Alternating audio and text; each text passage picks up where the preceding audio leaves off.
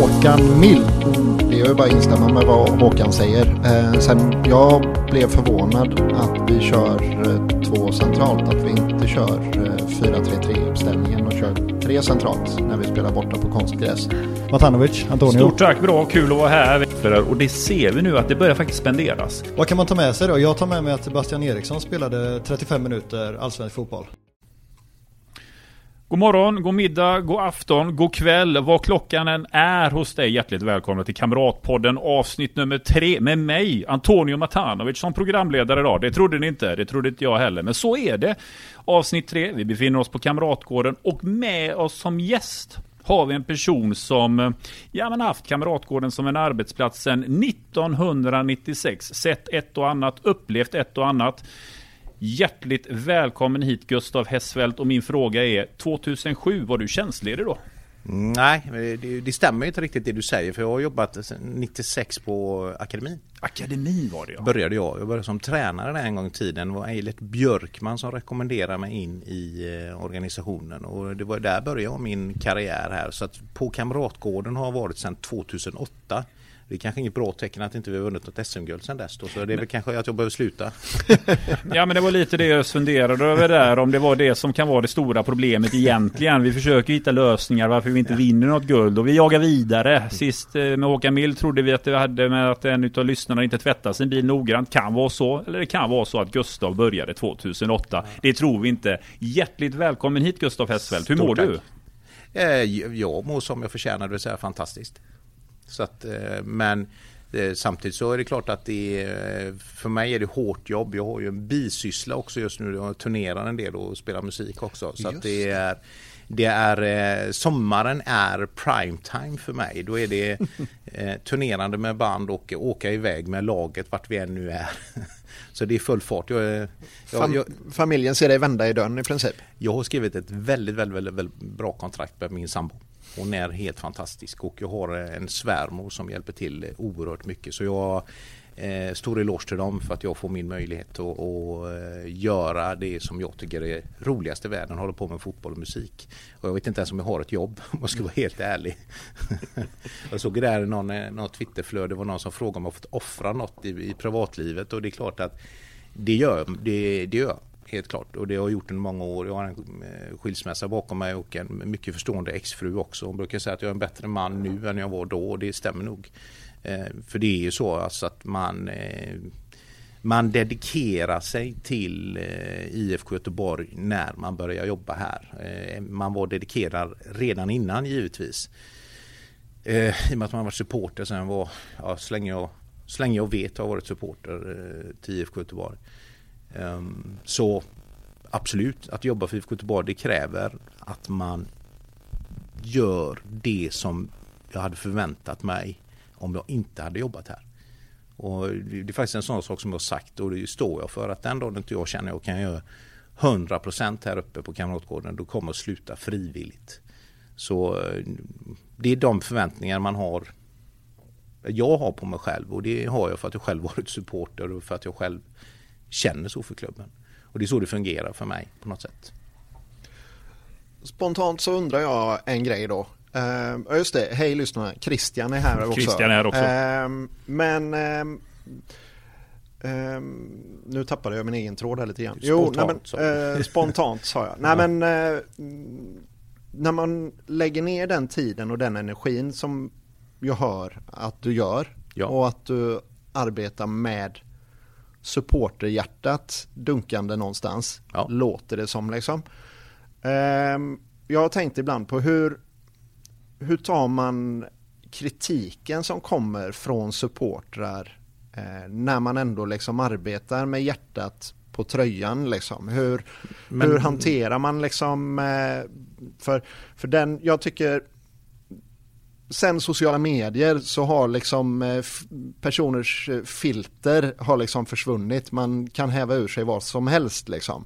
Om processer och, och, och rätt så avancerade grejer som man liksom inte har någon koll på. Och det, det gäller mig själv med till viss del liksom. Att man eh, skriver rätt ut i affekt. Och jag fattar att man kanske inte kan bemöta sånt riktigt. Men hur känns det liksom? Nej men alltså det, det är det som är eh, Jag är support från början. Men man jobbar här så är jag inte supporter. Det, det, är liksom inte det som är grejen. Att när du börjar jobba här så det du gör det är att du, du tar bort dina toppar och dalar. Du jämnar ut det. Du är, det enda gången du är riktigt glad, riktigt glad, det är när du vinner. När jag har vunnit då Svenska cupen när jag har varit här, eller jag var förvisso med när vi vann 2007 också. Så eh, alltså, då är man glad. Men dagen efter så börjar nästa säsong och nästa bit. Jag tror att det var Glenn Strömberg som sa det efter Uefa-cupen 82 där att när han gick ut på plan efter att de hade vunnit och det var tomt på läktarna. Då kände han vad tomt det blev. Målet mm. man hade satt upp och det, det är dit man försökte nå. Eh, det hade man uppnått. Vad gör jag nu? Och lite grann så är det ju liksom att vi, vi håller på med det här för att vi ska vinna matcher. Det finns inget annat. När du jobbar i akademin så jobbar du för att utveckla spelare. För att de ska kunna ta steget upp i A-laget och för sen då vinna matcher. Eh, alltså, du, du, du är professionell när du jobbar här uppe. Jag är inte, jag, jag har inte på mig supporterkostym. Jag känner inte på samma sätt som när jag var supporter. Absolut inte. Utan tvärtom, när det är som jävligast då jag, försöker jag vara den som som positivast på något sätt. Man, alltså, det gäller att mm. hitta rätt nivå på det. Att inte, man ska inte komma hit och vara superglad efter en förlust. Det finns ingen som är. Vi är förbannade när vi kommer, kommer hit och förlorat eller besvikna eller vad vi nu mm. är. Sen kan du förlora på olika sätt. Och det är det det gäller att vara rationell och logisk i saker och ting. Och min roll i det hela det blir att fortfarande se till att saker och ting fungerar på Kamratgården. För det är liksom det som är min roll. Som saker som inte har med själva fotbollen att göra. Det finns det mängder med andra som håller på att jobba med. Det lägger jag mig inte i. Nej. Men och, och, därför så är det ju så att visst, jag är supporter från början men jag jobbar inte här för att jag är supporter. Jag jobbar här för att jag är duktig på det jag gör. Och det är inget jag skäms för att säga för jag vet att nej, jag är nej. det. Men det innebär också det att om jag inte längre kan komma hit och brinna för det jag gör och göra det där lilla, lilla extra som krävs för att vi ska vara lite, lite bättre. Eller att det jag gör ska vara jävligt professionellt bra och att alla är nöjda. Mm. Då ska jag inte vara här. Nej. Därför att det finns, det finns, jag kan räkna upp tio man som skulle vilja ha mitt jobb. Stoppa det tror ni? Nej, det gör det verkligen inte. Nej, Särskilt inte om du räknar med de som vill ha det men som inte är kvalificerade. Då Nej, är det nog x antal. Och grejen är ju det att för, för, min egen del är det så, men om jag tittar på vad, jag, vad är det som gör att jag kan jobba som koordinator. Det lätt säga livserfarenhet, men det är inte det. Jag har en filosofie kandidat från personalvetarprogrammet. Jag har utbildat mig alla steg i fotbollen som man kan göra förutom då prov, för det får man ju inte göra. Eh, om inte man tränar ett allsvenskt eller superettanlag. Jag är ju målvaktstränare från början, gammal målvakt. Jag har utbildat mig hela vägen. Det var till och med så att jag Det gick inte att få, göra den sista kursen ni vet på målvaktstränarsidan för det var alldeles för få som anmälde sig. Och då konstaterade jag att det beror på att ni gör fel på Svenska Fotbollförbundet. Så jag ringde till dem och bad dem att jag fick göra kursen själv. Och fick mm. ihop 14 man och så drog vi det över fyra helger och vad det nu var. Och så fick jag till slut min utbildning som jag ville ha. Ehm, och jag har även studerat fotboll på universitetet. Då hade man ju tag där. Så då gick jag där och studerade det. Mm. På det så har jag varit, eh, jag kommer ju från föreningslivet i form av Bingolotto. Jag var ju administrativ chef där under ett antal år. Med ett eh, ansvar för, vad kan det ha varit, en omsättning på 300 miljoner och 2 500 kunder. Jag menar, plus då att jag driver ju egna företag då i form av min, min musik. Men har också hållit på med videostreaming en gång i tiden. Vi försökte göra bloggar på eh, Nokia-telefoner. Hade gjort på iPhone. Vi fan, vet fasen om jag hade suttit här. Bland annat David Lega var delägare i det bolaget. Så att jag menar, grejen är att jag, jag har gjort ganska så mycket i mitt liv eh, förutom fotbollen och det är väl det som gör mig kvalificerad till att jobba här. Men på det så har jag ju fotbollen och dessutom hållit på och fuskat lite med utbildningar, massage och fysioterapi och allting. Du vet, man var målvaktstränare. tänkte jag måste jag måste göra någonting mer. Mm. Utan då, man kan inte bara vara målvaktstränare tyckte jag då. Det blir inte så många timmar. Nej, jag tyckte det. Kan du hjälpa till lite mer då? Så då försökte jag utbilda mig just inom den fys och skadebiten. Det är inte så att jag är någon mästare på det, men jag är grymt intresserad av det. Och massage och sånt, det, det kan jag lite grann. Mm. Sådär, så att det är ju det som gör mig kvalificerad om man säger så rent, eh, ska vi kalla det för, Eh, utbildningsmässigt till att vara här. Sen är det klart att genom åren med alla jag har träffat och känner och, och, och allting där så har man ju skaffat sig de kontakter som krävs. Både då inom näringslivet men framförallt då inom myndigheter och sådant. Och jag vet hur man bär sig åt för att för att få in en människa i Sverige till exempel eller för att lösa Härligt saker. det lät. Det är, löser du att plocka ut någon också ifall man ja, det, det, behöver en väska med? Nej. ja, allt är ju lösbart men det är inte sånt jag håller på med. Nej. men IFK Göteborg har det ju varit sedan 1996 fast ja. då var det ju inte här på Kamratgården om vi ska rätta som du säger där. Men däremot, du har ju varit med så länge på ett sätt är du en konstant person kopplad till IFK Göteborg om vi ska vrida klockan tillbaks. Det är ju, det är ju allt för vanligt att man har samma personer ens, på, ens som en arbetsplats inom fotbollen idag. För det händer ju väldigt mycket inom fotbollen. Folk kommer och folk går. Här på Kamratgården har ju de senaste åren hänt väldigt mycket. Om man ska se till exempel på vilka som sitter i styrelserum, vem som är klubbdirektör, vem som är sportchef, vem som är tränare. Eh, spelare för all del. Det har ju och man upplever ju att det går ju allt snabbare och snabbare och snabbare. Hur påverkar, hur, hur har din vardag förändrats om man tänker sedan du började eh, på Kamratgården om vi tar det nu? Kontra hur det har varit de senaste åren med den rotation som har varit här på Kamratgården. Känner man, är det alltid lika lätt att hitta samma glöd och samma riktning i sitt jobb när man vet att det rör på sig på arbetsplatsen? Ja, till att börja med ska vi konstatera följande. Eh, Roger Gustafsson har varit här mycket längre än jag. Mm. Eh, Bertil Lundqvist, Berra, är ju fortfarande kvar här. Jag har förmånen att få jobba med, ihop med honom. Eh, Roffe Gustafsson var materialare, startade 1990. Eh, vi, har, vi har ju ett gäng faktiskt människor som har jobbat här ganska länge. Du har ju du har ju egentligen både Jonas Olsson och Håkan Mild, de har ju varit här till och från. Om du förstår vad jag menar mm. genom åren. Även då de också i andra roller. Om du förstår vad jag menar. Att det, det är ju det som är grejen. att vi är några stycken som, som har jobbat här som har haft diverse olika roller. Alternativt att man haft en konstant roll mm. eh, under de här åren. Och det är väl vi som är någon slags, vad ska vi kalla det för då, kulturbärare utav mm. IFK Göteborg. Och det är väl, tror jag att vi alla kan vara överens om att jag tror att det är viktigt med kulturbärare inom föreningen som talar om att det är det här IFK Göteborg står för. Eh, för det du säger där, det som kan hända ibland, det är ju att det kommer in folk som vill ändra lite grann på kultur eller man vill ändra på på, på struktur eller vad det nu kan vara. Och som, som kan ske på vilken arbetsplats som helst. Jag menar folk känner igen sig där hemma och märker att det kommer en ny chef och, som vill sätta sin prägel. Nej men så är det och det är ingen skillnad och det får man ju acceptera och allting där. Men eh, någonstans så är det ändå också, jag tror att det är viktigt och framförallt inom spelarleden när vi får upp spelare, att vi får fortsätta få upp spelare som har varit i vår akademi och som är blåvita. Eh, just på grund utav att då har du blåvita känslan mm. eh, någonstans liksom.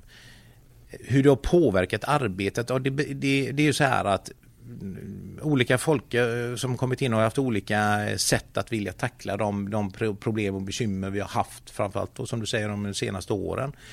Min uppgift är att göra det som vi har kommit överens om. Och det gör man. Man ser till att göra det så mycket eh, och med, med det, samma hjärta och glöd liksom. Sen är det så här, det, det sitter ju och diskuteras givetvis och vi har gjort handlingsplaner och vi har gjort en himla massa saker och det viktiga är ju att vi följer dem. Precis som du försöker följa en spelplan ute på plan. För den dagen inte vi följer vår spelplan eller vår handlingsplan då börjar ju folk fundera men vi har ju kommit överens om det här. Mm. Vad kommer det sig att vi inte gör det då? Och det är ju svårare om du förstår vad jag menar. Att, alltså om man säger en sak och gör en annan. Och, eh, nu säger jag inte att eh, liksom det har varit massa sådana saker men för mig, för mig är det superviktigt att, att vi när vi bestämmer oss för att göra någonting att alla drar åt det hållet och att alla gör det på det sättet. Annars ska man nog fundera över om man ska vara här eller inte. Jag tror det är jätteviktigt att man förstår att vi måste som, som vara ett team och, och, eh, jobba tillsammans för att nå våra mål. För sanningen är ju den att alla som jobbar här vill väl vinna SM-guld. Och sen gäller det att göra det Eh, genom hårt jobb. Det finns liksom ingen genväg. Sen måste man på, på vägen ha lite tur och sen måste man också få det att det här lagbygget, teambygget oavsett om det är borta på, på sporten eller på, här på eh, administrationen på vår shop eller i, i, eh, borta på akademin. Det är att vi alla drar åt samma håll för gör vi det och då kommer vi vara oslagbara och vi har varit där. Och det finns ingenting som säger att inte vi kan komma dit igen. Utan det handlar egentligen bara om, som vi pratade om innan, här, över tid. Hur ska vi ta oss dit? Ja, men om man kollar, det finns ju vissa föreningar i allsvenskan som har den här kontinuiteten och har stakat ut en väg som de verkar hålla sig till. Nu har ju inte vi någon insikt i hur det fungerar inne hos dem kanske men det känns ju liksom som att eh, men Elfsborg, Djurgården, Hammarby de har liksom stakat ut en väg och så håller de sig till den. Och, och att det bär frukt om man bara har uthålligheten någonstans. Mm. Um, och det är väl likadant för oss. Det, det, det, alltså, kontinuitet är viktigt. Man måste se saker över tid och det är det svåra idag i, i elitidrotten. Det är ju inte bara fotbollen som är drabbad av eh, tränarbyten, ordförandebyten, sportchefsbyten eller vad det nu kan vara. Va? Alltså det är jätteviktigt att man förstår det, att det krävs kontinuitet och då krävs det en styrelse och en ledning som, som orkar hålla emot för det är ju när det går dåligt och det blåser hårt, då är det tufft att sitta på de positionerna. Det är inte lätt när man eh, får arga mejl eller folk är förbannade på en eller de till och med ger sig på familjen. Mm.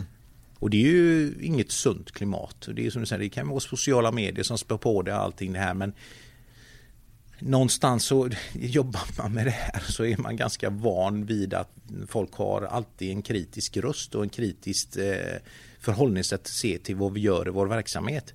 Men en sak som jag vet som jobbar här och som ser det varje dag. Jag ser ju våra medarbetare här jobbar stenhårt oavsett sportsida, administrationen, vad det än är, jobbar stenhårt.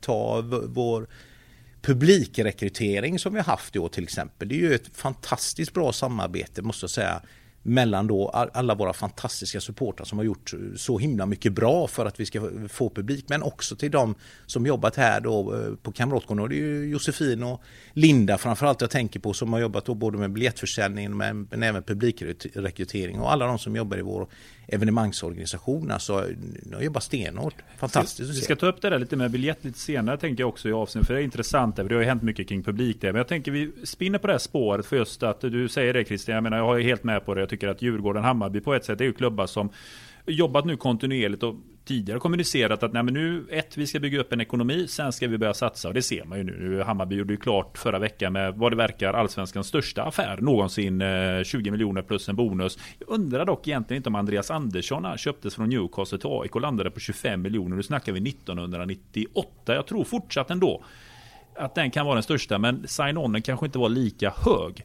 Men det intressanta är att sen kan man vända på det när man väl lyckas. Ta Malmö nu.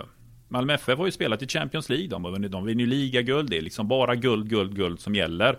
Igår förlorade man. Man åkte ut Champions League-kvalet. Det blir ju en annan typ av storm och inriktning där. Då har man åkt ut. Då ska tränaren få foten. Det har varit ett missnöje innan mot honom. Men nu blir det lite måttet rågat. Det finns ju nivåer utav det.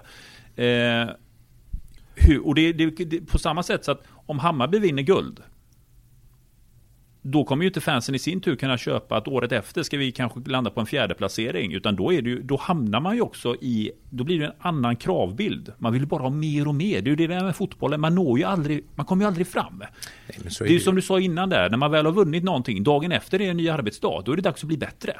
Ja, det för att, alltså, grejen är så här, om du inte blir bättre så är det andra som blir det. Så är det. Och det, och det är ju det du hela tiden kämpar med. Du kan ju aldrig slå dig till ro. Det, det, gör du det så är du rökt. Men det är lite, lite, så som jag tror att, jag menar om vi tar Malmö som exempel nu, eh, som då förra året spelade Champions League, det är det fina rummet, den fina kostymen. Just den här känslan nu att gå in nästa vecka och möta ett lag från Luxemburg.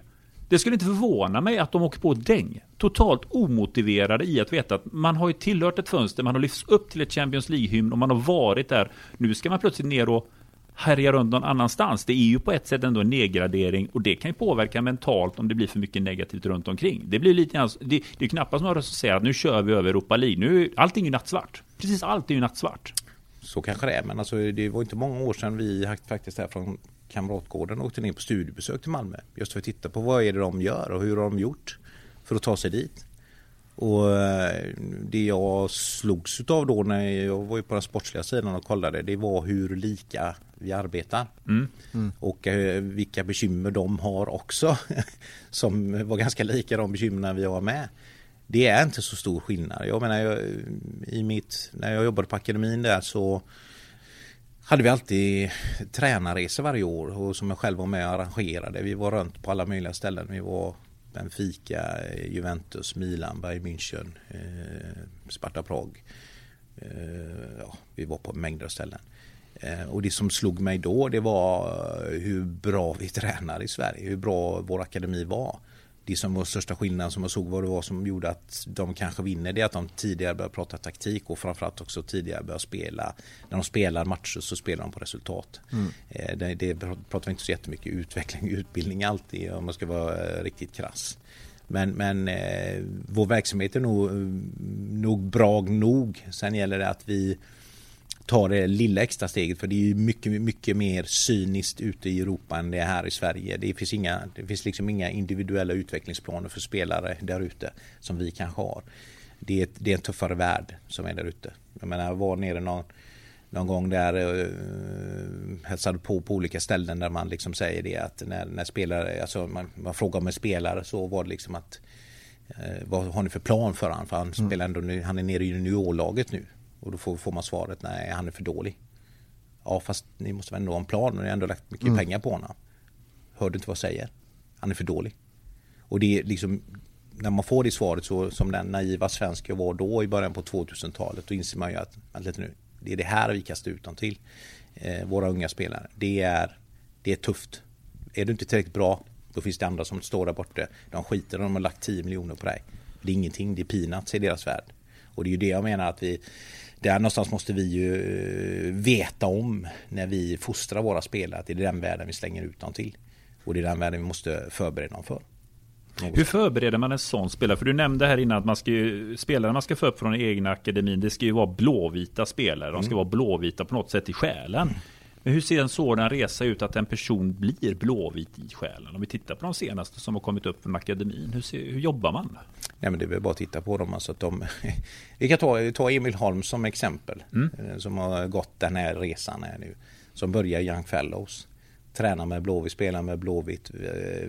Upplevt Blåvitt precis som vi alla upplevt Blåvitt. Det är klart att de får ett blåvitt hjärta. Det är klart att de tänker på Blåvitt jämt. Och de pratar, när man pratar med dem, de sitter och tittar på Blåvitt fortfarande. De kommer hem hit och tränar. Alltså det, det är ju det som är den blåvita själen på något sätt. Du får ju spelare som är blåvita om du har dem i, i akademin.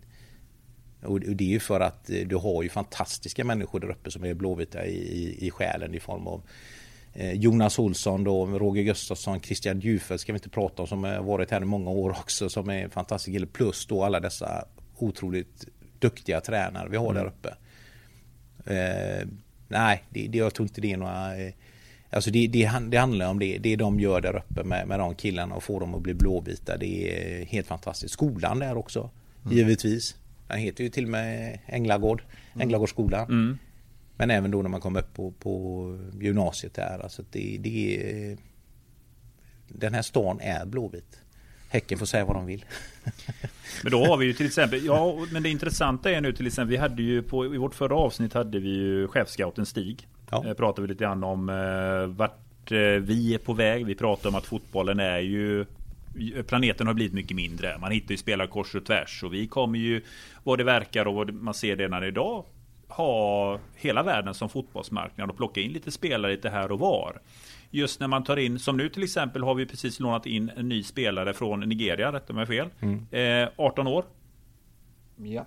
Och en sån spelare ung. Du ser, han födde 02, ja, 20. 20 år. Ja. 20 år. Hur får man en sån kille att snabbt komma in i den blåvita själen? Jag tänker det är en ny kultur, det är en ny värld. Det är ju ändå, när man är på Kamratgården, det är ju ett familjärt ställe. Hur får man snabbt in en sån person att bli en del i gemenskapen och också känna det här Ja men IFK, wow vilken grej! Älskar IFK Göteborg. Jag känner mig, alltså jag känner mig, jag känner mig blåvit. Ja fast det är, alltså så här då.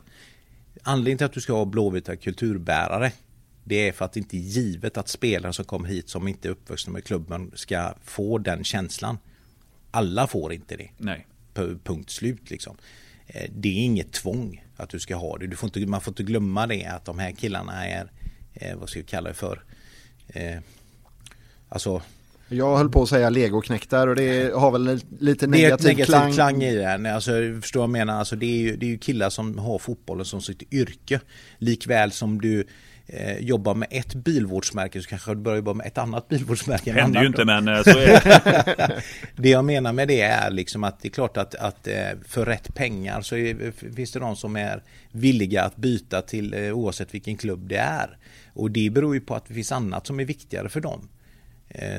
Alltså som du säger en kille som har blivit inlånad här. Ja, man, de, ofta har de en familj i Nigeria då i det här fallet som ska försörjas och få hjälp av det här. Att man blir proffs i, i, i Europa. Det, det finns, alltså, de alltså. behöver inte få det blåvita hjärtat.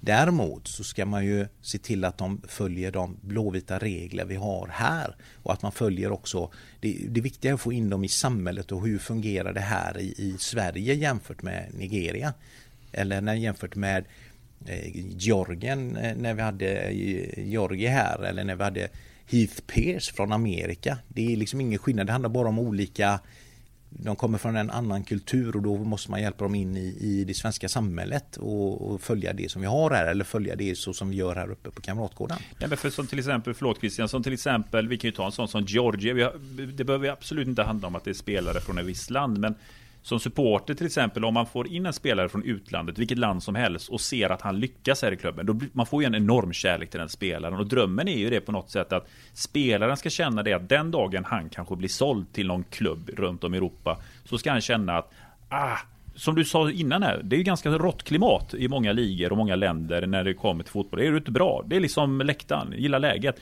Man vill ju på något sätt att hans sinne ska tänka att ah, det, nej, jag, måste, jag måste hem till Kamratgården. Jag vill liksom få tillbaka kärleken och känslan till fotbollen. Och det blir på något sätt att även om man inte fostrar här i akademin, att spelarna man köper in, kanske från utlandet, får samma känsla den dagen de eventuellt lämnar är att när jag kommer tillbaks, alltså det, det är bara Kamratgården som gäller. Att det inte behöver bara vara akademispelare, fostrade spelare som känner eh, fikaligan som det kallas för. Man vill ju att Georgie ska känna samma sak.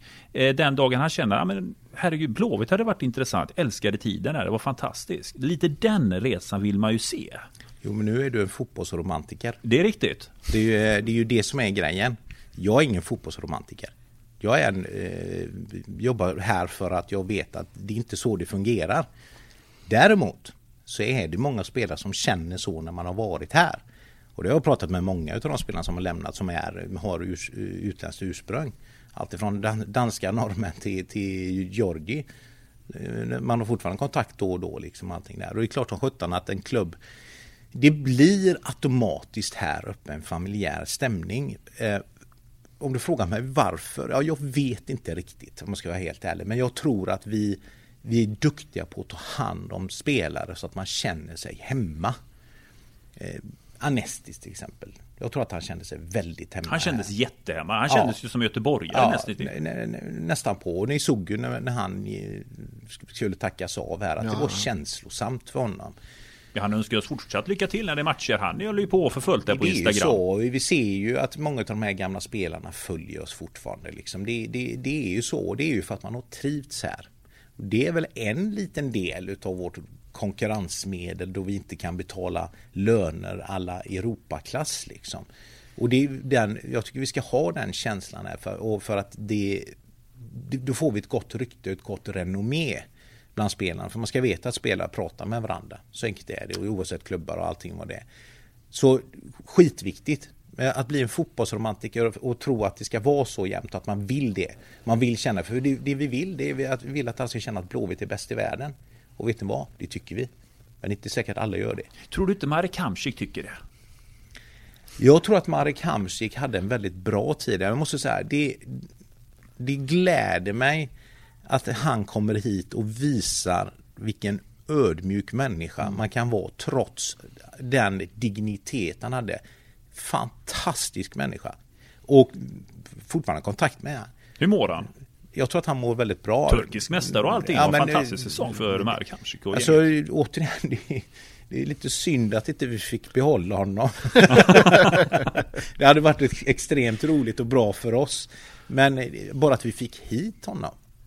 Vilket arbete. Mm. Eh, får man lyfta på hatten åt dem som, som lyckades göra detta.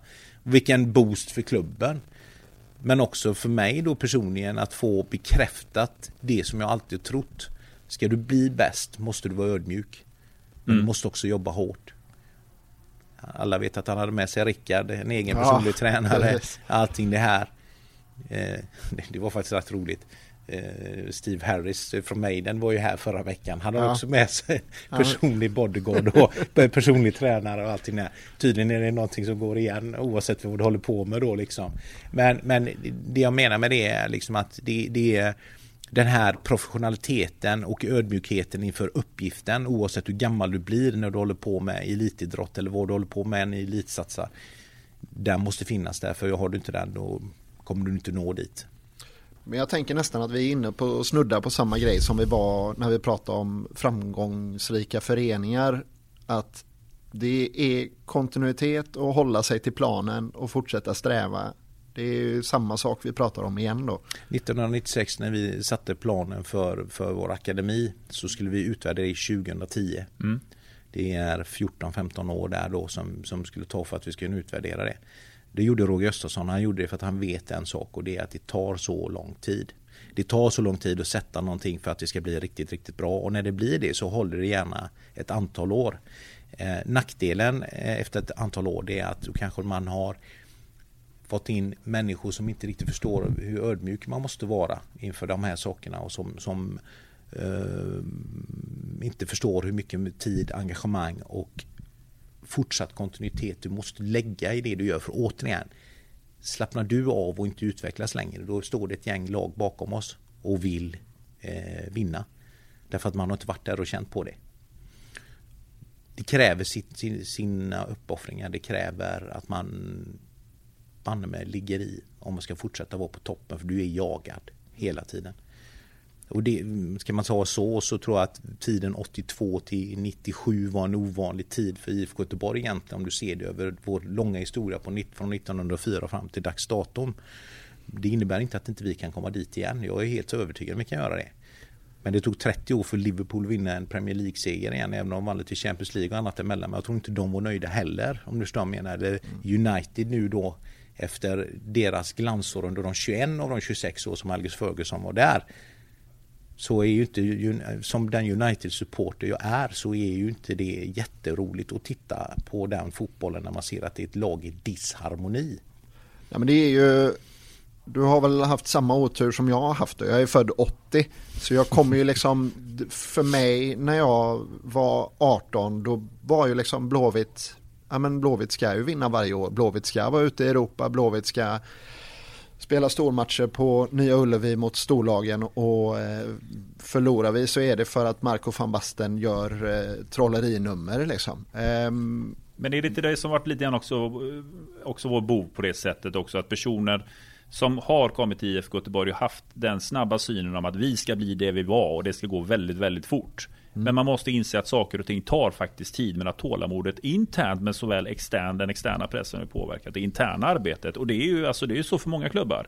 Eh, vi kan ta Liverpool, du nämner ju dem till exempel. Jag menar det är ju en klubb som har jobbat tålmodigt. Ta Klopp till exempel. Det var inte glans och glamour direkt eh, i början. Det var ju skador och problem in i bomben för det skulle ändra stil och nu ska vi jobba efter det här sättet. Det kommer ta sin tid innan det slår igenom helt ny filosofi, helt nytt sätt att träna. Sen blommade det ut och blev väldigt bra fotboll. Ja visst, alla säger ju att ja men de har ju pengar, de kan värva för miljarder. Jo, men det ska också passa in. Bara för att du köper alla spelare betyder inte att det blir perfekt per en gång, utan det måste ju finnas en kontinuitet. Vi har inte haft den kontinuiteten. Men vi sitter här idag, det är 2022. Vi är just nu i mittenplacering i tabellen. Vi har Håkan Mild som har varit här i över ett år. Gustav, du som är här, börjar du känna och landa i att det börjar landa någon form av kontinuitet på arbetsplatsen Kamratgården. För det känns ju som att just nu så är det ju samma personal. Det, det rör sig inte så mycket i personalfronten här på Kamratgården som det gjorde förr, för ett par år sedan. Känner ni att ni börjar liksom landa i skeppet vart vi är på väg och att ja men det känns stabilt? Eller stabilare får man ja, säga i fotbollsvärlden. Ja alltså eh, så här då. Alltså nummer ett var det, jag menar Håkan Mild anställde mig här en gång i tiden. Eh, och för mig när han kom tillbaka är det lite grann som att komma hem. Eh, jag känner Håkan så pass väl att jag, jag, vet hur han fungerar, jag vet hur han tänker, jag vet hur han vill ha saker och ting.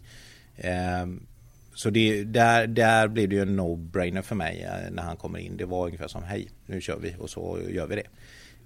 Gör bra, gör positivt. Sen är det så här, det, jag håller inte med dig just det här med omsättning av personal. För vi tillkommit ganska mycket personal den senaste tiden, vilket är väldigt bra.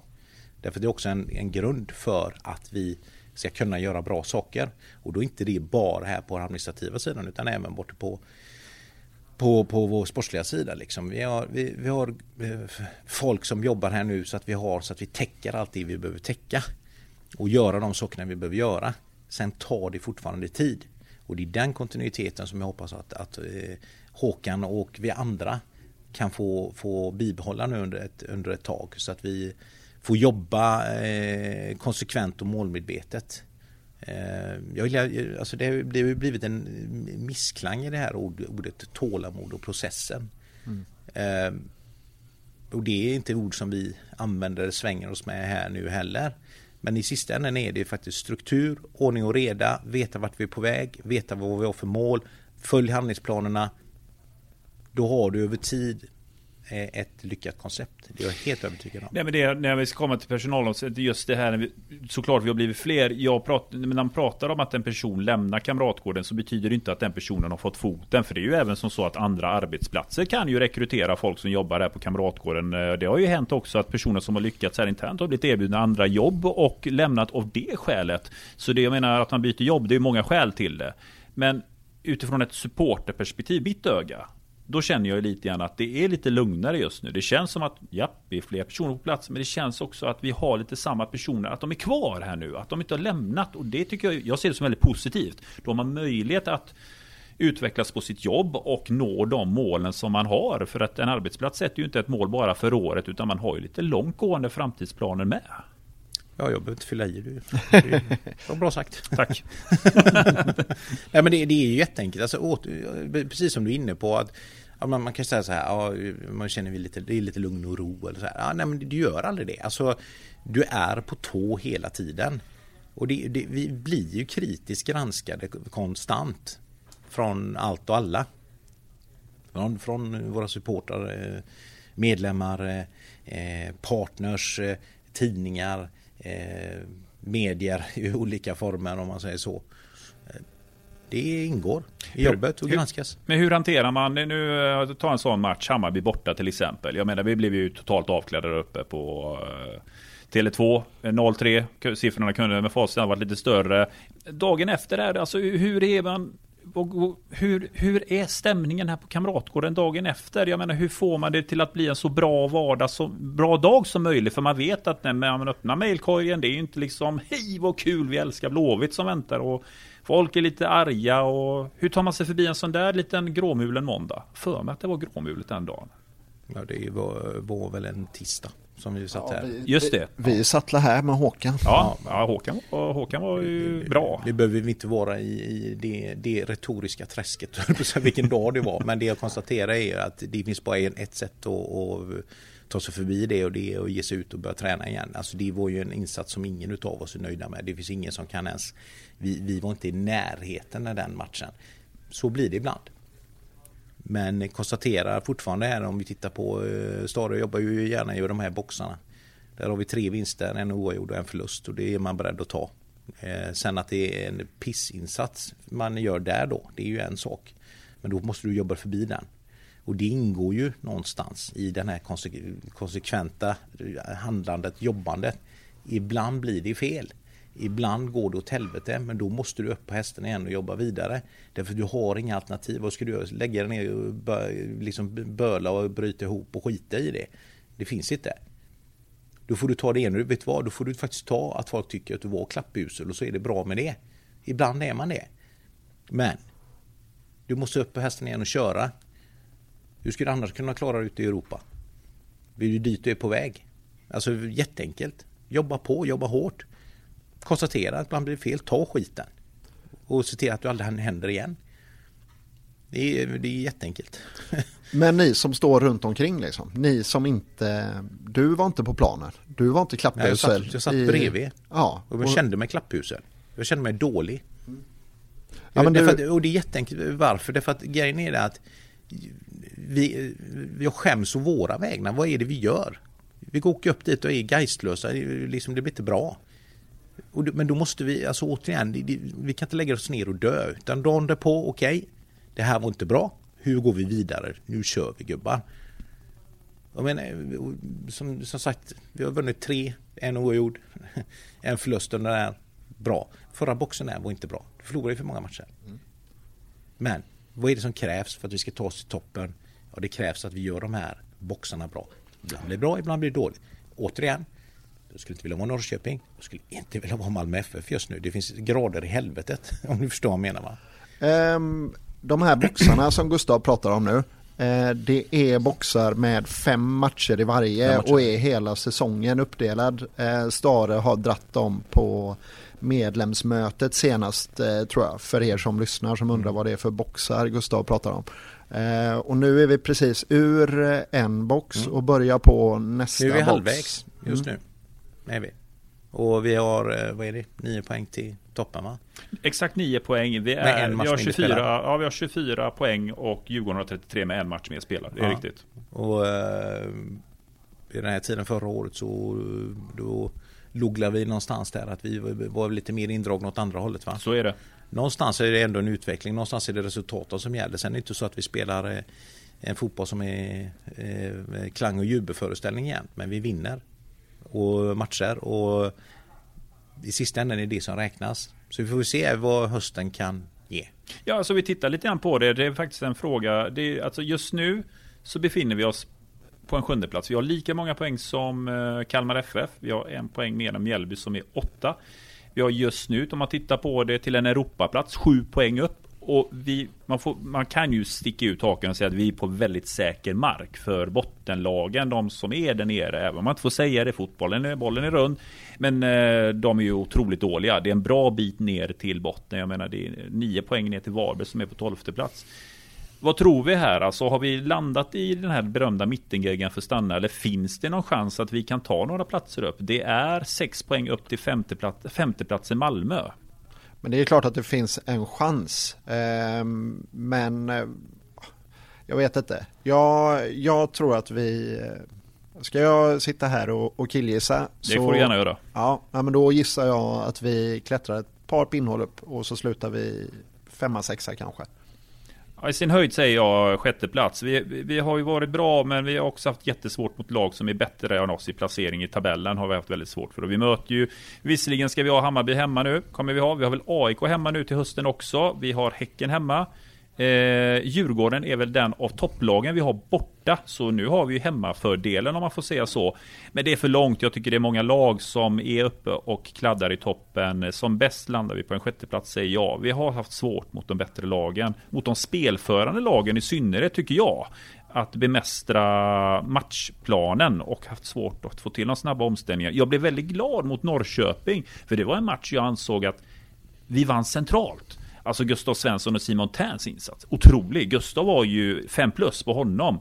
Och den centrala backlinjen, alltså otroligt fin. Bjärsmyr och Bångsbo, väldigt bra. Kalle Johansson senast mot Mjällby, det var hatten av-insats, tycker jag, hans insats. Jag tycker att i, centralt börjar det hända någonting. Det centrala mittlåset, toppklass. Det är väldigt kul att se.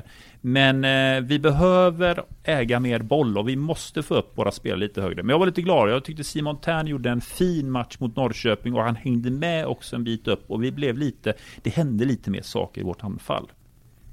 Ja, vi får inte då samtidigt, vi ska inte få hybris efter den här matchen. Vi ska inte glömma Warner Hans mycket uh, avgörande mm. insatser i den matchen när den, det första skottet där i halvlek, jag sitter ju så så att jag ser ju bollbanan exakt rakt framför. Jag tänker att shit det blir mål. Och så plötsligt kommer han med en liten hand där. Det är en otrolig räddning han gör där. Eh, måste jag säga. Sen räddade han ju oss ett par gånger i andra halvlek där också. Andra halvlek, det var på Levi där va? Som eh, han som, gör en räddning som, ja. den, den, ska ju, den är ju otrolig. Ja, det, det är det. Samtidigt, jag säger att den första räddningen där, det är en riktigt, riktigt strong insats. Mm. Den, den, den, skottet nära där, där är han placerad jävligt bra. Så det blir ju en reflexräddning ja. som, som kommer upp där. Eh, ser jättesnyggt ut men jag säger att den första räddningen han gör, den är avgörande för matchen. Känns som att han eh, fick väl i supporterled sitt eh, genombrott efter den här matchen. Jag tycker ju att han har varit otrolig. Jag tycker en jättefin målvakt. Ja, en väldigt bra rekrytering. Eh, men väldigt, väldigt bra. Han var ju, ja visst, han var ju en räddande ängel mot oss mot Norrköping. Ja, det, men sen är också det framförallt eh, som jag gillar med han, det är ju hans spel med fötterna. Alltså det är de här bollarna han sätter. Och, alltså är ju så, du ligger på läppen på gubbarna varje ja. gång. Alltså det är, det är en trygghet att ha en gubbe som kan jobba med, med fötterna på det sättet.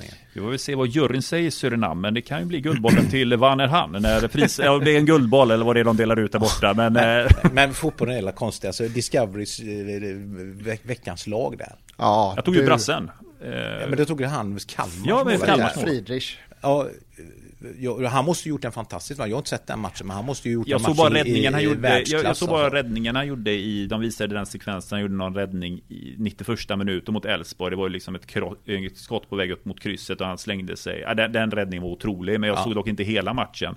Men eh, nej, Vanner han eh, ska ju nämnas som en av ligans bästa målvakter, vad jag tycka. För som du säger också det att det är någonting som är viktigt idag för målvakterna, det är att de är bra på fötterna och det är Vanner han. Han har en spelförståelse som är väldigt, väldigt bra. Eh, och det är en stor nytta. Och jag upplever ju att med en sådan målvakt, alltså när man har en bra målvakt så blir också försvaret väldigt tryggt det blir ett lugnt försvar som kan lita på sin målvakt. Och en målvakt som är bra med fötterna, det är en målvakt man vågar spela hem alltid till. För man vet att det reder den här målvakten den här situationen. Jag menar Andreas Isaksson, landslagsmålvakt, han var ju bedrövlig på fötterna. Visste man att bollen gick tillbaka till honom en landskamp, man börjar ju darra på läppen. Det här kan ju gå hur som. Men det var likadant för, för Giannis eh, under Första säsongen i synnerhet. Ja, nej men att det var, eh, alltså jag tänker mig att han blev Alltså att jag upplevde honom som ett osäkert kort med fötterna under den andra sessionen här. Eh, att han kunde sättas, eller jag vet inte om han satte sig i svåra situationer eller om hans lagkamrater satte honom i, i svåra situationer. Men mm. jag tycker det känns ju mycket tryggare nu med Werner. Eh, sen förstår jag om du inte vill recensera Jannis på det sättet. Jag måste säga jag tyckte Jannis var en väldigt bra målvakt också. Alltså, de är kanske lite olika egenskaper och allting där. Men eh, jag, jag kommer ju gärna ihåg den här eh, pandemisommaren när vi spelade 20 matcher på, vad var det, två månader. Mm. Det, och det vi vinner cupguldet. Yes. Där Jannis eh, faktiskt är avgörande mot Elfsborg bland annat och sådana saker. Där. Det var ju en stabilitet och en trygghet där som var väldigt, eh, väldigt, väldigt fin. Sen är det återigen, det är, det är ett lag med självförtroende. Eh, de, de, då, då, känns allting tryggt bra allting där. För du lite sämre självförtroende och motståndare kommer på hur de ska göra. För vi får inte glömma det, vi har ju motståndare. Mm. Då kan det helt plötsligt kännas som att det är otryggt. Men då handlar det om att vi måste kanske förändra något och göra någonting bättre liksom. Eh, vad vet jag. Men eh, jag tycker vi generellt har haft ganska många bra och duktiga målvakter här i Blåvitt. Eh, en absolut favorit i Kim Christensen. Det var, ja, mm, fin. fin målvakt och en, en, en extremt eh, god människa. Jag hade lite snack med honom för några veckor sedan. Det var lite ja, hur mår han då? Jag tror att han var ganska bra. Eh, vad gör han då? Han är FC Köpenhamn. Ja. Fortfarande? Ja, jag tror att han är det fortfarande. Jag, vi pratar inte om det. Jag pratar inte fotboll med. Jag pratade, så ringde jag och sa grattis på födelsedagen. så det var det som var grejen. Synd, han, stack ju, han lämnade oss för han, fick, han blev ju andra slips direkt där i FCK. Han ja. fick ju aldrig riktigt någon chans där nere. Nej, det är klart att komma hem igen och allting här plus att han vad gjorde han, fyrdubbla betalningar eller? Ja men precis, det är ja. det jag tänker. Det är, det är, man, man får ju väga ihop allting. Att eh, få flytta hem igen till stor, storstan Köpenhamn och, mm. och fyrdubbla betalningen och så alltså andra målvakt. Det är nog inte världens, alltså jag ska inte säga att det är ett lätt jobb, men den rollen måste eh, vara speciell. Nej, men så är det ju, men eh, han blev ju också målvakt sedan sen. Alltså just, eh, han var ju här när vi mötte eh, FCK här. Mm. Europaspelet där, playoffen där. Och, eh, alltså det är klart att det är ju det också att kunna få förmånen att jobba inom fotboll. Han kanske redan då fick det här att okej okay, du börjar som andra målvakt och sen kanske du tar steget upp som målvaktstränare. En som blev målvaktstränare nu, John Alvbåge, ja. ska ju nu ta Sarpsborg, ska han vara målvaktstränare. Såg du tränaregenskaper i Alvbåge när han var här?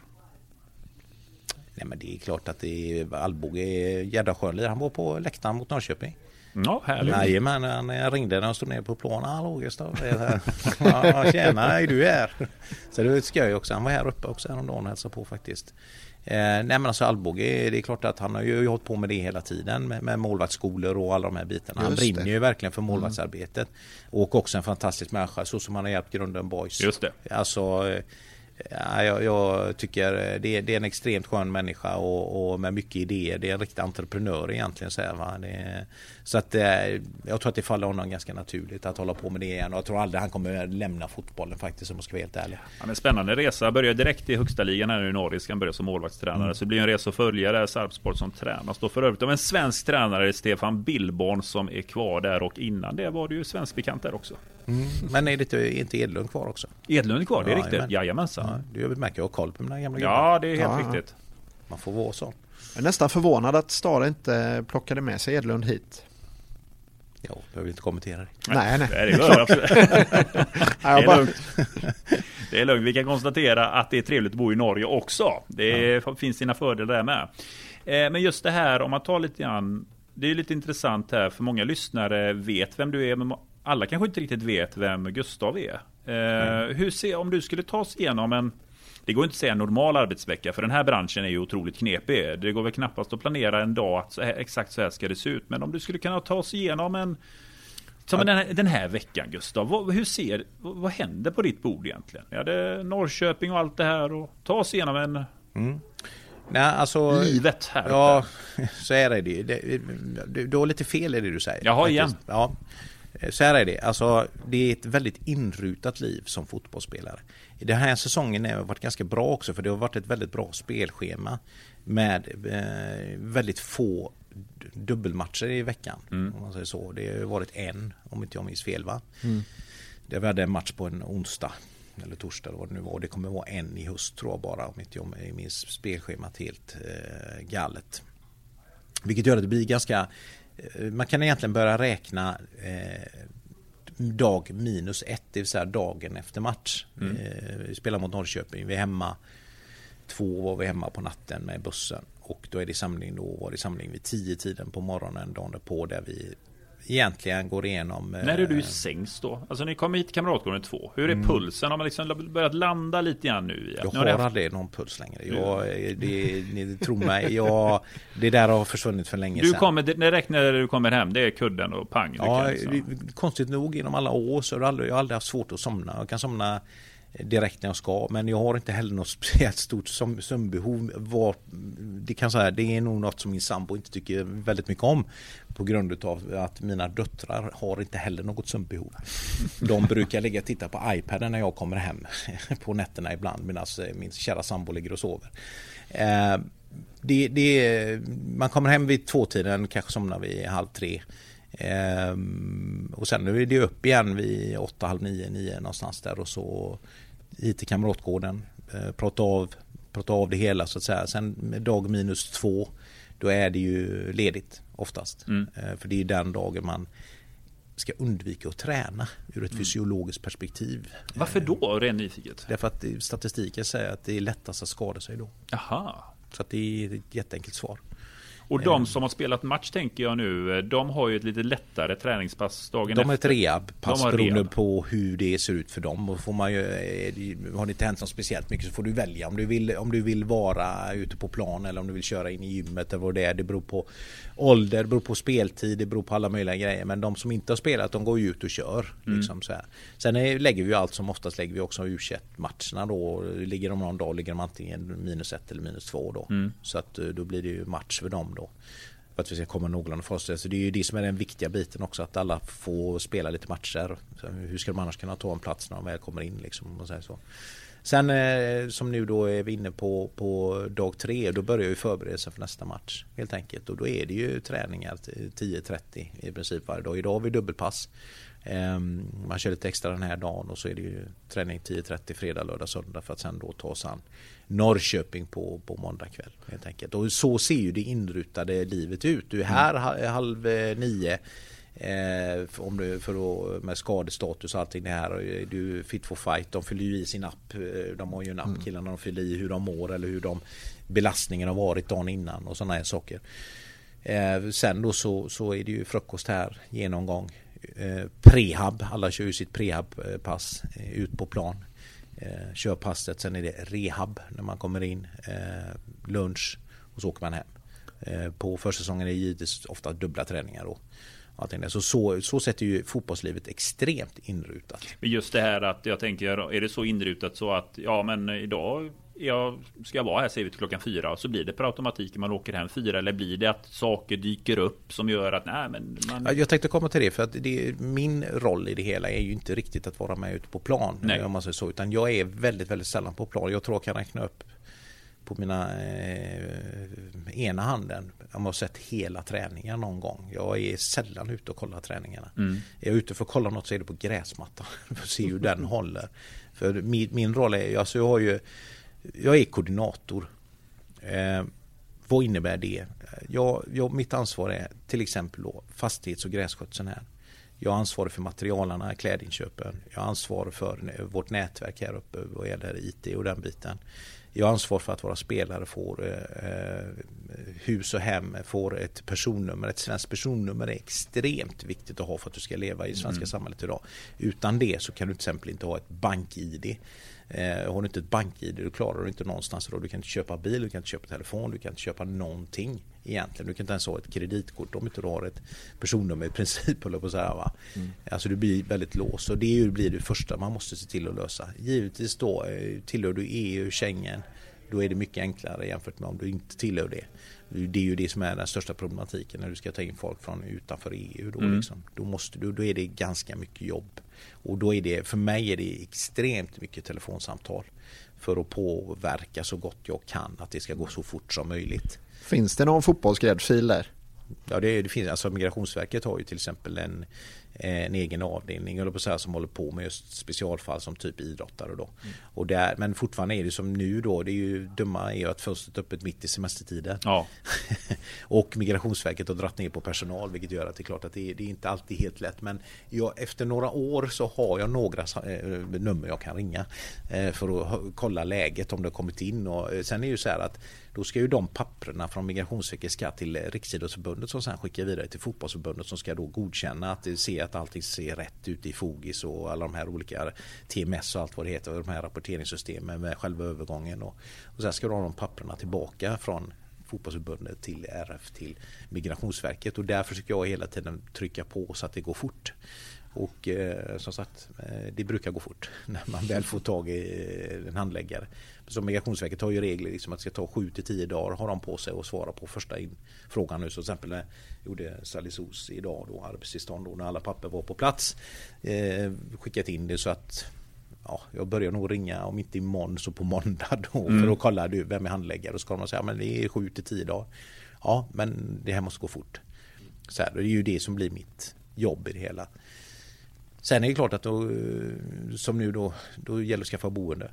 Se till att de får en, en någonting eh, gärna i närheten av kamratgården i deras fall. Jag menar, de har ju inga körkort och den biten. Då vill man ju inte att de ska behöva liksom ta buss och spårvagn för att ta sig hit. Liksom.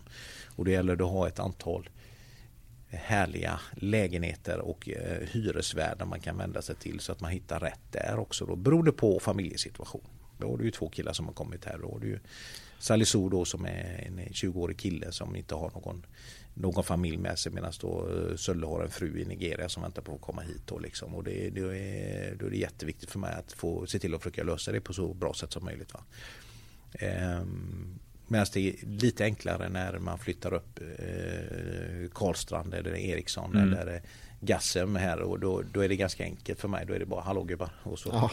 det här gäller här och så kör vi på det. Blir det lättare med Sulle i och med att han har spelat i Tyskland innan? Ja det, ja, det blir det på mm. det sättet att det finns ju att han har haft uppehållstillstånd där och sådana saker. Mm. Så att det är ganska, ganska fort på den, eh, med den, eh, det arbetstillståndet där. Mm. Faktiskt. Kommer de bo i de här beryktade lägenheterna i Kolltorp eller? Det beror på vilka lägenheter du menar som är beryktade ja, jag, och varför. Jag, jag menar väl eh, framförallt Oscar Wendts gamla lägenhet från 00-talet. Nej, där bor eh, Alexander Jallow i den lägenheten faktiskt. Ah, okay. mm. mm. så, så att eh, eh, där kommer de inte bo.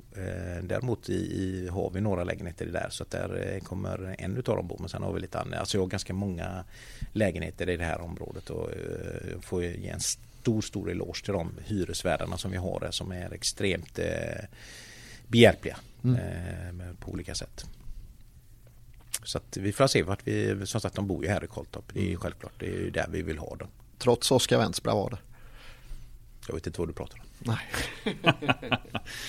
Men just det här att det går väl ganska fort det här från det att en spelare kommer hit och provspelar. Det är, hur är det, en spelare som är här på provspel, är det hotell i början? Innan det kanske blir någonting permanent? Ja, eller ja, ja, det är hotell Det- först och sen när man kommer överens kanske om att ja men du ska vara kvar här. Det är då du sätter igång här med lägenhetsletande direkt? Nej, eller? alltså grej, jag, jag skrattar lite åt eh, Stig när han flyttade hit.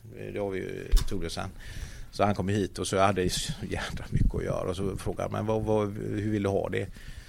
Ja, bla bla bla bla. bla.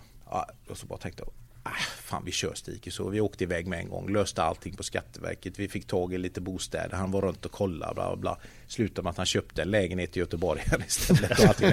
Så han sa det, det har aldrig gått så fort någon gång i hela mitt liv. Så här då, liksom. Jag har löst saker nu som inte jag har löst på på två år eller hur många år det var han varit i Norrköping. Men alltså lite grann är det ju så. Det, det, för mig är det viktigt att få dem på plats. Därför att är du hemmastaddad så alltså, har du ditt eget så är det jävligt skönt. Det är inte så sexigt att bo på hotellrum när du gör det hela tiden. Det är inte så eh, jädra skoj. Du får göra Marek Hamsik och hyra ett, en hel svit under en tid liksom. Du, du, om du har de pengarna liksom. Men det, det är ju inte något vi står för liksom. Så enkelt är det ju. Um, hur jobbar du någonting med att få igång dem socialt, de nya som kommer in? Jag tänker, alltså kommer man hit utan att känna någon, man kommer från Nigeria, man har bara laget.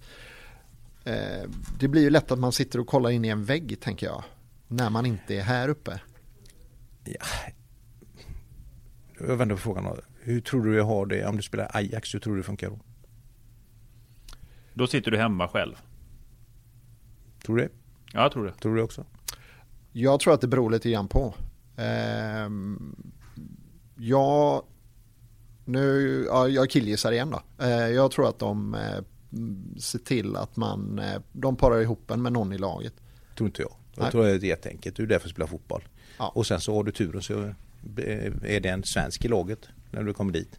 Är det inte en svensk kanske det är en dansk eller en norsk. Och så pratar du med dem. Pratar du med alla spelare så pratar ja men jag hade Det var några skandinaver där. där. Så Ja men det är ju det som varit räddningen. Man har ju hört många som har stuckit när de var 16-17 år. Jag är ensam. Jag flyttar hem. De får panik första halvåret. Det är hemskt. Man ska liksom bo själv någonstans. Man vet ingenting. Man vet inte ens om man gör egna mackor liksom. Så ska man klara sig helt själv efter träningen. Ja men det, Eh, det, det där är ju också liksom lite en myt. Alltså många utav dem som, alltså jag håller med dig till viss del. Det är, det är så Det är vad de själva säger, liksom, Ja att det, det- är varit- så. Men det är så himla olika. Du vet jag, jag det, det kan ibland störa mig det här liksom att man säger att fotbollsspelare har det så bekvämt eller att de kan inget förutom fotboll. Antingen. Alltså jag har ju som ni säkert har hört många roliga historier om fotbollsspelare men vi, vi har alla grabbgäng vi har varit med i där det händer grejer. Det är alltid någon dåre där som för den delen inte behöver vara så vara ointelligent eller odriven eller någonting. Men det händer ju vissa gubbar saker jämt om man säger så. Alltså grejen är ju det att det blir naturligt så när du väl kommer ut eller som här. Alltså nu har vi ju två killar som är från Nigeria. Det är klart att de närmar ju sig varandra för att man Såklart. kommer från samma kulturer och allting här. Vi hade eh, Prosper och Sabba när de var här och tog vi två samtidigt. Eh, till, pratar om eh, Al-Hassan liksom när han var här. Jag menar, han hade ju en umgängeskrets som var enorm. Eh, träffade ju massa folk här som, eh, både från sitt hemland men även andra. Alltså det beror ju så mycket på hur du är som person själv. Vill du söka social kontakt, då gör du det. Vill du inte det så gör du inte det liksom.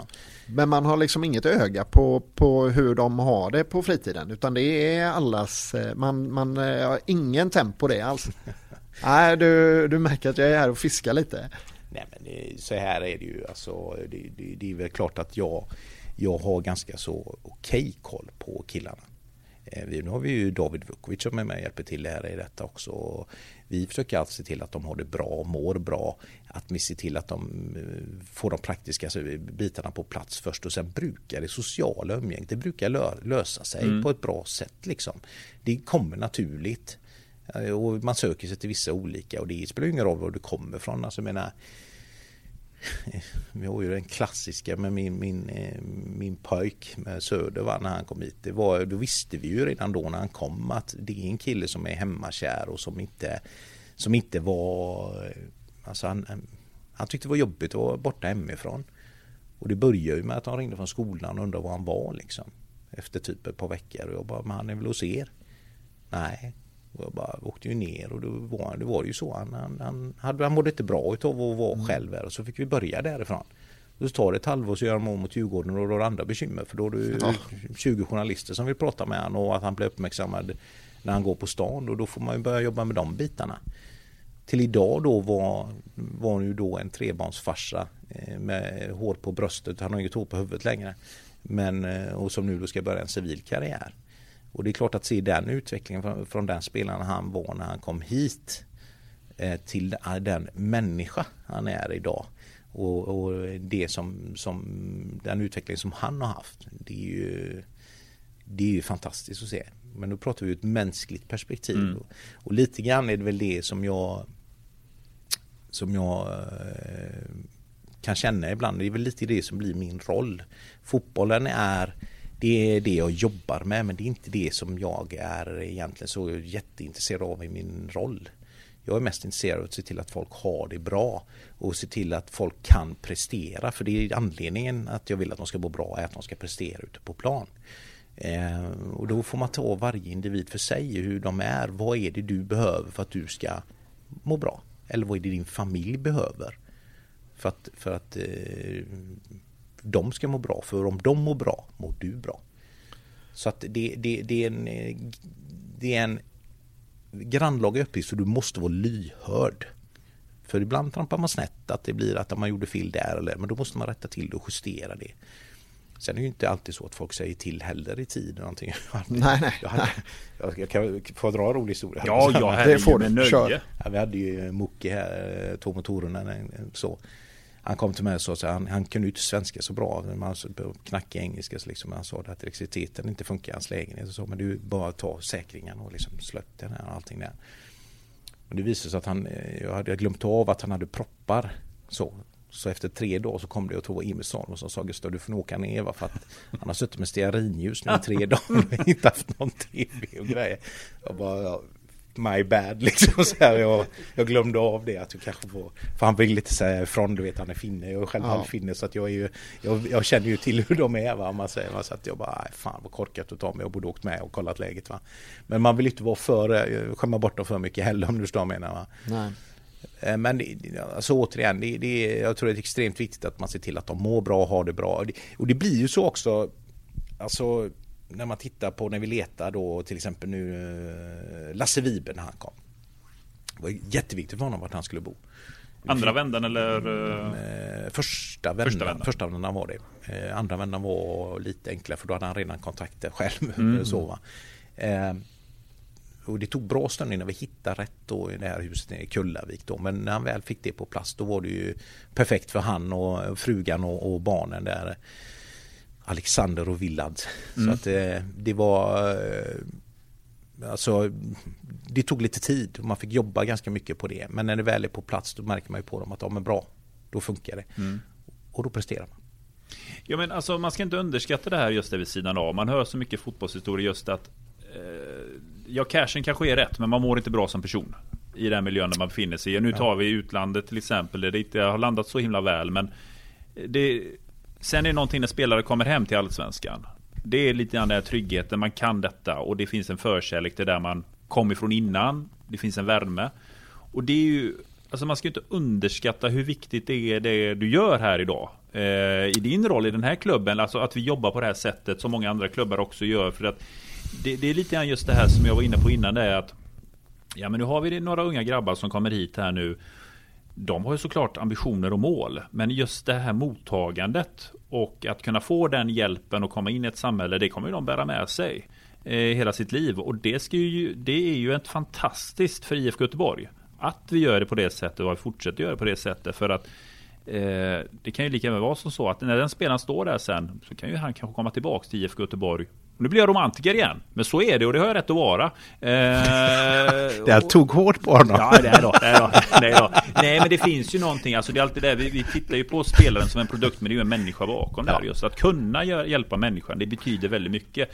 För det kan man säga mycket. Jag menar, det finns många spelare som talar varmt om tiden i IFK Göteborg och som också nämnt dig vid namn just att hur mycket du har hjälpt spelaren i deras karriär också vid sidan av. Mm. Ja, men det, det, det, är inte, det är inte givet.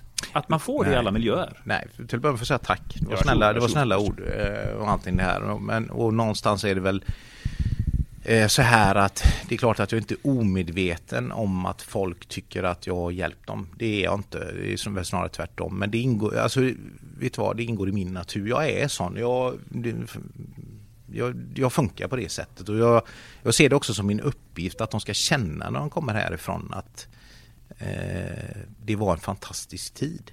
Eh, sen blir det inte alltid så. Det är lätt att titta på alla de här som, som man har haft som det har gått väldigt, väldigt, väldigt bra för. Men det finns ju de det inte alls har funkat och inte alls blivit bra.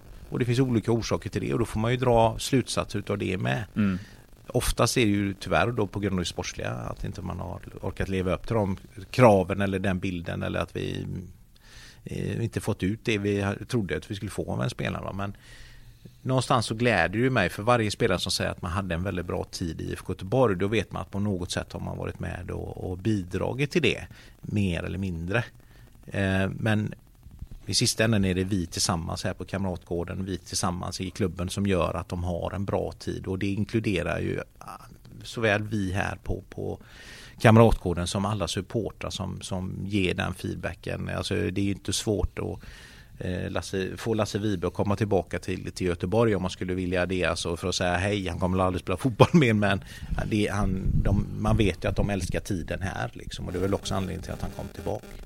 En kul grej är det, vi pratade ju om det här just att, ja men eh, härliga ord och spelare som trivs. Någonting som, eh, även om vi är på en mittenplacering Christian, så måste man ju konstatera att eh, det känns ibland som vi är ett topplag för jösses vad publik vi drar till Gamla Ullevi. Mm. Otroligt drag här nu måste man ju säga. Det är ju någonting som gjorts rätt. Gustav, du som är här, kan du berätta lite grann varför, varför kan vi sälja ut en match mot Mjällby? När egentligen man, man skulle nästan tro att en sån här match skulle locka 7-8 tusen. Vi tar in Christian här. Christian över till dig. Nej men så här då. Eh, det är ju förutom när serien är stängd för laget, det vill säga någon gång i november. Man inser att ja, men det blir en eh, nionde placering. Det regnar sidledes.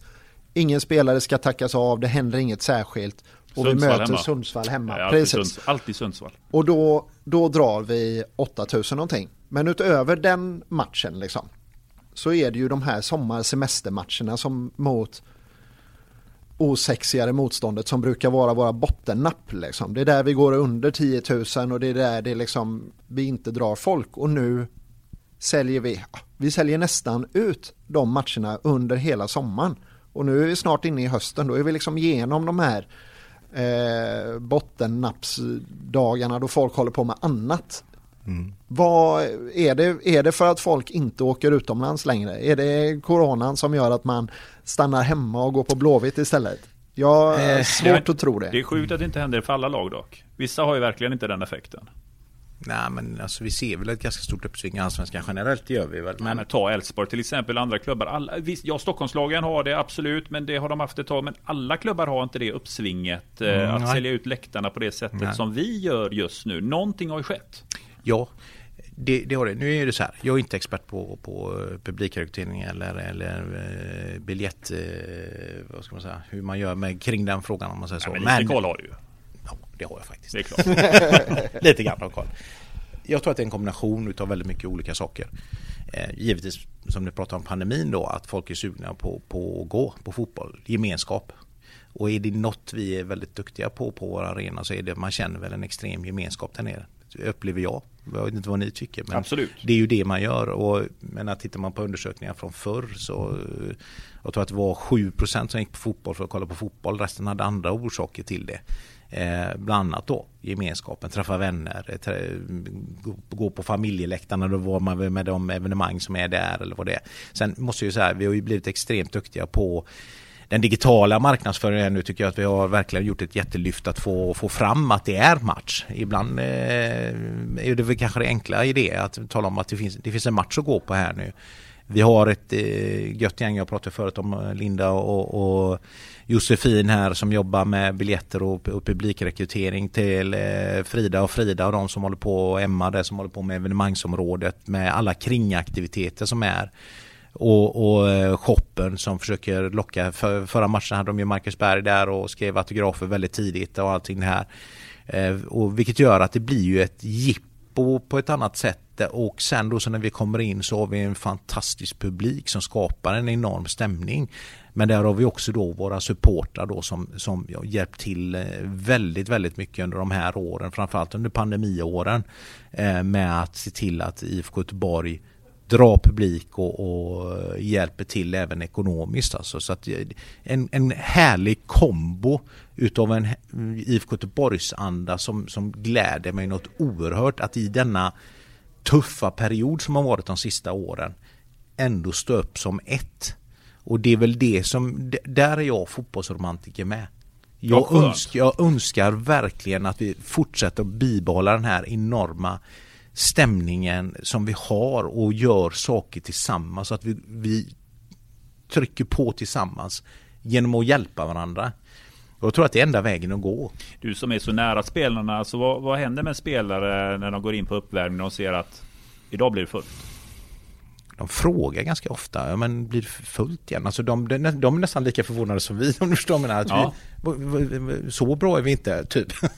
men eh, det, de är, jag tror inte man kan räkna hur viktig den här tolfte spelaren är.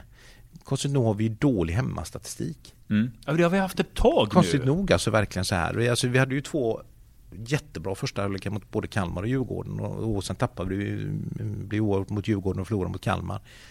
Jag vet inte om det är slump eller vad det är som gjort det, att det har blivit så. För så bra som vi spelade där de första halvlekarna. Det var länge sedan man såg IFK Göteborg spela en sån fin fotboll. Vi är kanske är på väg dit igen, vad vet jag.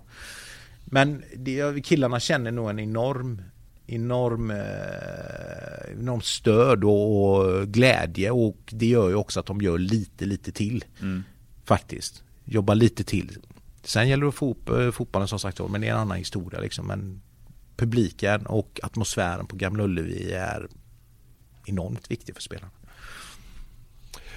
Spelarna måste vara väldigt olika när det gäller det där. Vissa, vissa ser man ju det liksom på från läktaren. Jag hade kunnat se det från den sämsta platsen på, på Gamla så hade jag kunnat se att Sebban blir tänd av att komma ut mm. till ett fullt Ullevi. Mm. Men eh, det jag tänker eh, en spelare som Vanner Han som kommer från liksom en helt annan... Eh, De har ju till och med en flagga för honom. Det är klart ja, att han, han känner att... Det, ja, ja, ja, alltså, jag tror inte det spelar en roll alltså. Jag tror att alla känner det. Alltså, man har ju olika sätt att yttra det på. Att alla känner ett enormt stöd, absolut. Sebban är ju speciellt, alltså, det får man inte glömma. Och det, ska, det, det är inte ofta det kommer eh, tårar ur ögonvrån men eh, jag har ju haft två sådana. Ett var ju Robins sista match. Och två var ändå nu när, när Sebban eh, kom in igen och fick spela eh, match. Både, han började, det var väl borta han började men eh, nu på Gam, Gamla Ullevi. Hem, Mjällby hemma som han fick starta ja, där. Ja, och liksom just att gå med honom ändå. Det var när Sirius borta han hoppade in va? Om inte jag minns fel nu va? Det måste varit hans första inhopp. Ja, var hans första inhopp. Just att gå med han efteråt där och inse att fan du är på banan igen det var... Eh, nej, det, det, det, går inte att riktigt beskriva. Han har varit men, ett mörker, Sebban. Men han, när, när skadan, jag tänker på när skadan väl kom, att ta sig därifrån och komma dit han är nu. Jo, men grejen är det att jag har ju sett han sedan han var 14 år, tror mm. jag. Allting jag följt honom och jag... Du vet, Elfsborg borta när han skadar knät. Man sitter med honom efteråt. Eh, det har varit andra situationer i hans liv där, där man har funnits där eh, tillsammans med honom. Eh, man får en speciell relation till vissa spelare. Sebban är en utav dem.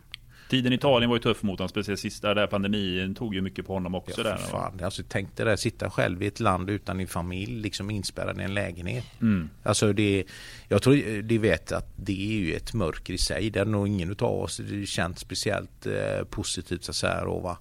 Men att då se han här igen och att vara tillbaka här i Blåvitt och, och eh, hans det finns väl ingen som kan ifråga hans, ifrågasätta hans hjärta för den här föreningen för den, det, den är enorm. Mm. Um, så eh, du vet att följa en sån spelarkarriär och följa honom som människa det är uh, ja, det har varit väldigt speciellt måste jag säga. Och vi, det är ju ändå så, en sån spelare som Sebban han måste också börja tänka på vad han ska göra så småningom efter karriären. Så att vi håller på att titta på sådana saker med tillsammans där. Han ska vara bilbyggare. Jag hoppas det. Det hade varit så fint. Ja, det är precis det, det, han ska ha. Svetsa lite grann, pilla på lite klassikerbilar. Det är du, precis det Sebban ska du, hålla på med. Du, rör, du är inne och rör dig på områden som vi har berört lite grann. Så vi får se vart det hamnar. Men jag hoppas att den, den och det hoppas vi både jag och Sebban, att den tiden är långt bort. Ja, eh, om du förstår vad jag menar. Eh, det är vad man hoppas på, men man måste samtidigt, det blir väl också en del i min roll. Att börja liksom, okej, okay, men vad har du tänkt sen? Även om jag vet att det är fem år bort måste man ändå, det är lika bra att börja och börja och slänga in tanken och ibland märker man, nej men det, det får ta vi då. Ja, absolut. Men det kommer så småningom.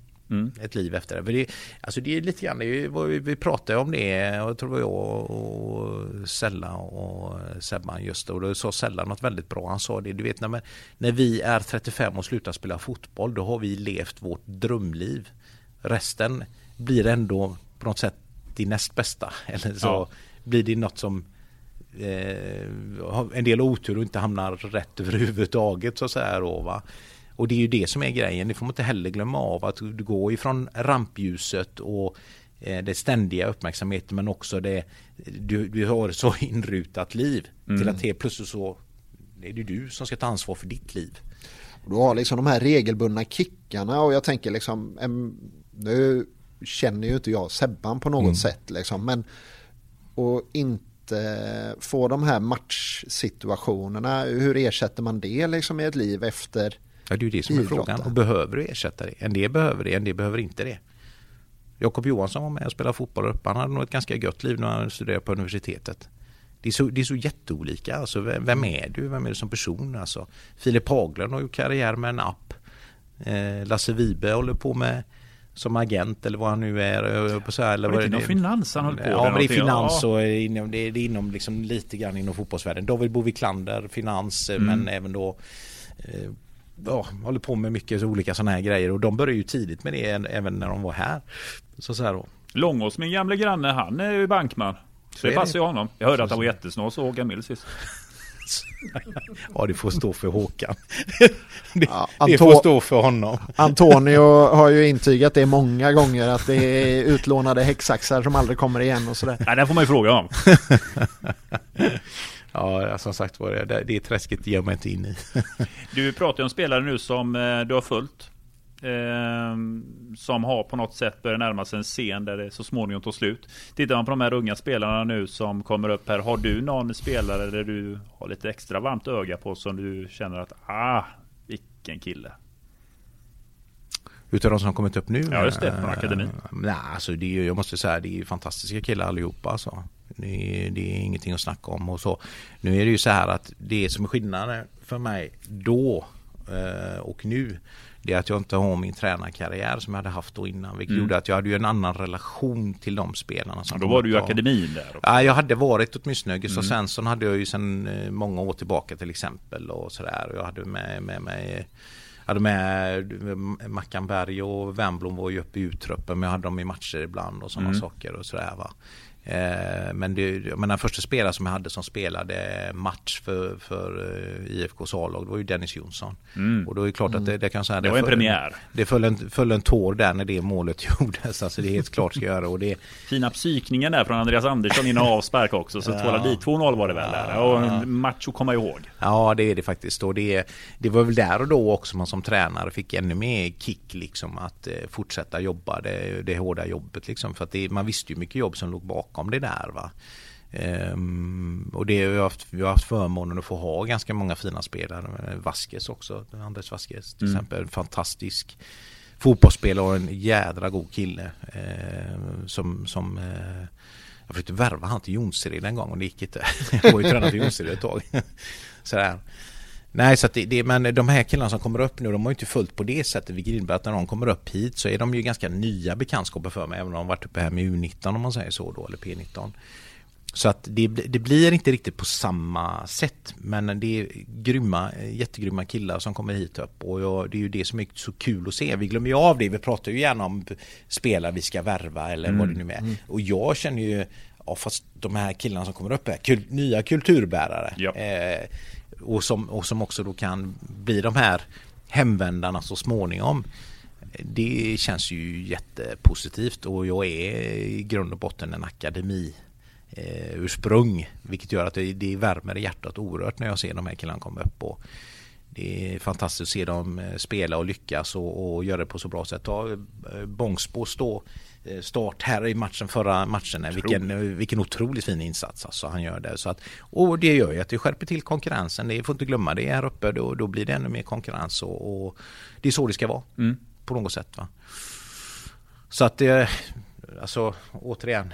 Eh, mitt, mitt arbete här uppe med killarna och, och jobba med dem så det, det är klart att det finns nog inte många yrken som jag skulle vilja hålla på med istället för det här. Så kan vi väl säga. Vi, vi har ju, alltså under avsnittet har du svarat på väldigt många frågor. Men det finns faktiskt en lyssnarfråga. Han, han efterlyste att vi inte hade lyssnarfrågor sist här. Så nu ska frågan upp här och det är från Jonathan här på Instagram som skriver att jag vill veta vem som är den mest bes, den besvärligaste spelaren han har haft att göra med under sina 25 år kommer jag aldrig tala om. Det, Nej, ja, precis. Men frågan är ställd och det blev ingen kommentar på den. Det gillar man också. Nej, och det, kommer aldrig bli och det är det som är grejen. Att jag menar, Någonstans finns det, det finns ju massa roliga anekdoter och allting där och de är mer eller mindre rumsrena för det, trots allt så är det ju unga grabbar, det händer ju saker och allting där men som ni kanske många har märkt eh, än så länge så, så peppa peppa ta i trä och utan att jinxa så är det inte så att det direkt är massa skriverier om Nej. just blåvita skandaler eller spelare. Och det hoppas att vi fortsätter att, att, att slippa. Mm. För det är ju någonting vi, vi försöker hela tiden, vi pratar om det här om man eh, att man, eh, vad ska man säga, våra spelare att man eh, vet vad de gör. Alltså jag tror det är viktigt att mest tala om att det är det här vi förväntar oss av dig. Eh, det är det här vi förväntar oss av dig som professionell fotbollsspelare här. Och det, eh, där gäller att vara tydlig. Vad det är som är att vara IFK Göteborg. Vi pratade lite grann, eller vi var inne på akademidelen innan. Eh, att du har jobbat där innan och vilka grabbar det är du har följt. Skulle du kunna tänka dig att gå, in, gå ner eller gå in där igen? Eller är det koordinatorjobbet som är det blåvita jobbet som du kommer göra tills eh, pensionen kommer? Just nu, eh, jag har ju bara döttrar. Min första dotter hon, hon håller på med hästar. Jag själv travhästfanatiker. Har några hästar där själv faktiskt, eller deläger några. Däremot min mellandotter har precis börjat spela fotboll. Ja. Och det är, eh, vi var på turnering här häromdagen och så var det någon som sa det är skillnad på Gamla Ullevi med det här och så ja fast det här är roligare på ett annat sätt och det är ju det som är så kul. Att vara med min dotter där eh, på en fotbollsturnering och uppleva fotbollen så som vi alla kommer ihåg fotbollen. Det vill säga så roligt man har. Hon var så, jag är nervös pappa för det här med spelet. Skit i det. Tänk på allt roligt du ska ha mellan matcherna då och leka med dina kompisar och skoja och ni tjötar och allting där. Och sen spelade om matcher och gjorde mål och grejer. Du vet, det var ju halleluja-stämning där ett tag. Skulle jag vilja vara tränare i IFK Göteborgs akademi igen då skulle jag vara tvungen att skilja mig igen.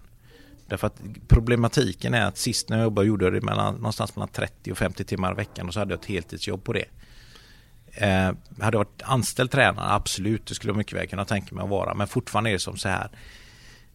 Alltså det att vara tränare i akademin, alltså du lägger ner ett hästjobb. Jag är mm. så imponerad av de här killarna nu som håller på och ta eh, de här killarna nu som nu gick vidare med, med Tom och Fredrik Landén och de här som har fått andra uppdrag nu i andra klubbar och allt vad de håller på med. Alltså vilket fantastiskt jobb de har gjort. Alla mina gamla tränarkollegor som har gjort ett sånt fantastiskt jobb för akademin och lagt ner så mycket själ och så lagt ner så mycket tid utan egentligen få jättemycket betalt. För fördelen för, för, för de som är där nu är att de är ju betalda på ett annat sätt då även om de får knåpa ihop det med lite halvtidsjobb eller vad det nu kan vara. Jag vet inte exakt hur det ser ut nu för tiden.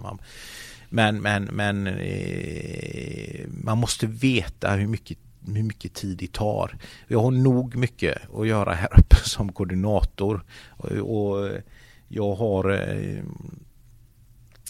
Alltså det ringer ju konstant. Alltså jag stänger inte av telefon. Jag, det är ju, frågar du min, min sambo så säger hon att du du kan aldrig lägga av va? Liksom, alltså, stänga av telefonen någon gång. Men jag gör inte det. Jag skulle aldrig kunna göra det. Alltså, eh, Ja men din arbetsdag upphör ju inte efter fyra. Nej den gör inte det riktigt om Det var vi pratade om det här med inrutan jag nämnde innan. Ja. Det är, alltså, du må säga att det är inrutat men det är inte så inrutat. Inte Det för mig. Det, det, är ju det det är. Är det inte det? Och det beror ju, men det, lite grann får jag skylla mig själv va. Mm. Därför att jag skulle kunna se det som ett jobb och då, då kan du göra så. Mm. Men jag gör inte det. Alltså det, det, det om, ta ett sån enkel sak som att ibland kan det hända att brandkåren ringer och säger att larmet funkar inte på Kamratgården. Eller att eh, det har hänt någonting på. Alltså jag skulle aldrig förlåta mig själv om, om Kamratgården brann ner och jag låg och sov. Alltså det här är ju mitt skötebarn liksom. Det, det, det, det, det, går inte. Alltså det skulle, jag skulle må dåligt, alltså rent fysiskt om du förstår vad jag menar. Va? Därför att det här, den här platsen betyder så extremt mycket för mig, likväl som akademin gör det.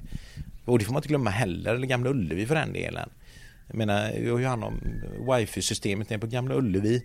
Eh, men också där nere med i sportrådet där kring där vi diskuterar hur vi ska få planen att bli så bra som möjligt. Och till exempel titta nu det jobbet vi tillsammans har gjort där nere med Gais ÖIS och med Gotevent här nu. Se hur fin planen är nu. Där vi då hade ett uppehåll i juni. Precis det man behöver göra. Mm det, är, det är så jädra roligt att hålla på med alla dessa uppgifterna och få vara med och påverka så att det blir så bra som möjligt. Jag är, något jag är extremt stolt över i år så är det ju här uppe med, med gräsplanerna. Hur de ser ut. Ja, det ser och, otroligt och, ut. Ja, eller hur? Och då, då ska man ju ändå veta att vi börjar träna här i mitten på mars utan värme i plan. Mm. Det finns inget annat lag som tränade så tidigt. Då åkte, jag tror att AIK åkte typ till Öland för att träna Mm. precis inför allsvenskan. Men vi tränar på hybriden. Visst, det är ju så här, vid den tidpunkten så kanske vi har 60% gräs och 40% konstgräs. Det är ju konstgräsmattan som ligger i botten. Nu är det 98% gräs där borta. För det har ju växt så mycket och det, det ser ju fantastiskt ut. Vi, jag håller ju på där borta med Speedeo-kamera också som ska jag sätta upp. Det är ju faktiskt någonting eh, som är, kommer bli väldigt positivt. Alltså vi eh, har ju med SEFs hjälp här då fått till att vi får Speedeo-kameror hit upp till hybriden men även då ner till eh, Valhalla vilket innebär att vi kommer ju kunna använda dem både i träningar men även till matcher för att filma. Vilket ger oss bättre förutsättningar att skicka ut mer material då till våra fans som vill se matcher helt enkelt. Mm. Så det kommer ju bli, jag vet inte om du såg nu till exempel Gothia Cup körde Spideo under, under eh, turneringen och visade matcherna live alltså. Det är ju fantastiska möjligheter vi, vi skapade. Och det, vad är det? När var vi i Belenenses? Vi var där någon gång, här 2010, 2011 eller någonting. Ja, du, du tänker på en annan grej. Jag tänker på när vi var där och hälsade på, okej. när Benfica, Belenenses. De hade ju då videofilmning utav från åtta år uppåt. Oj. Och då frågade jag han, eh, hette Dr. Jorget Castillo som var huvudtränare där Det är bra med en doktortitel, då är det på Ja, det, det vet han hade varit över. Han Kroatien bland annat. Jag Han ser det. Ja, Ja, ja, så här. herregud. han berättade ju det liksom. Jag frågade honom då varför, varför har ni, filmar ni även så tidigt? Ja, det är jätteenkelt. När de ser sig själva sen så lär de så mycket fort vad de gör rätt eller vad de gör fel. Och, och det anammade jag verkligen alltså. Så, och sen dess har vi pratat väldigt mycket om det men nu kommer vi få till det. Sen eh, är det semestertid och allting men jag hoppas att vi ska ha det klart här till hösten. Och precis, ja, ni vet inte om ni ser att vi har grävt där ute men vi har grävt ner slang nu då för, för Där ser jag faktiskt en ja. Ja. Så att det, det kommer också bli, och det, det, det är också den, det är ju det som är roligt i det här yrket om man säger så, att jag är ju en nyfiken själ. Och just hålla på med det här att utveckla Kamratgården och dess faciliteter för att vi ska kunna ha ännu bättre förutsättningar för att göra bra träningar men också veta. Alltså i princip ska vi kunna stå där ute i realtid och titta på träningen på en iPad och sen visa en spelare. Du, vet vad? Nu springer du så här och jag vill att du gör så här. Alltså det är ju dit man vill nå. Därför att det innebär att vi utvecklas som lag eller som fotbollsspelare. Ja. Vad det nu är va. Jag har ju, nu när vi pratar om Kamratgården och, och planerna och nu när vi äger Kamratgården själva igen. Mm, vad skönt. Ja, otroligt. ja hur, mådde, hur mådde du när köpet blev klart? Kom romantiken in tillbaks där i att ja, det är skönt att det här är vårt? Nej, nej, där var det faktiskt mer eh, ekonomen i mig som gjorde det. Därför att det är billigare att äga det själv. Japp. Så är det ju. Såvida inte räntorna sticker iväg i höjden så in i bomben. Det har är- är en väl annan sen gammalt. Hoppas jag. Det är. Det jag litar fullt på vår kära ekonomichef att han har underbar kontroll över Det detta. snacket ska vi ta med. ja, Det tar vi. Nej men, Eh, Men det, eh, det, för att svara på din fråga är då så, så säger jag så här att det, det, är en, en, eh, det gör att man blir ännu mer taggad att göra de här extra sakerna som, som nu krävs. Sen är det så här, en kåk är som, som, som den här den kräver ett underhåll hela tiden. Det är lätt, du vet, man blir lite så här, åh, nu har vi byggt något nytt, åh, kanon. Min första fråga, vem, vem ska sköta det då? ja. Ja, men det är ju en ny kåk. Ja fast vet ni vad, man måste göra en underhållsplan och du vet ju Det var ju massa grejer det som jag gärna, nu måste vi jobba med det här. Och du har ju det ansvaret och, och och försöka hålla koll på kåken här och det är, det är mycket att tänka på. Men framförallt är det ju där ute, vår plan. Våra planer det är ju vårt viktigaste instrument liksom ihop med bollarna. Så vi måste vara bra. När, det, det som jag lite, det som jag drömmer om lite grann. Det är när har vi läktare här uppe? När har vi eh, ett litet Vallhalla här uppe? Visst hade det varit skönt.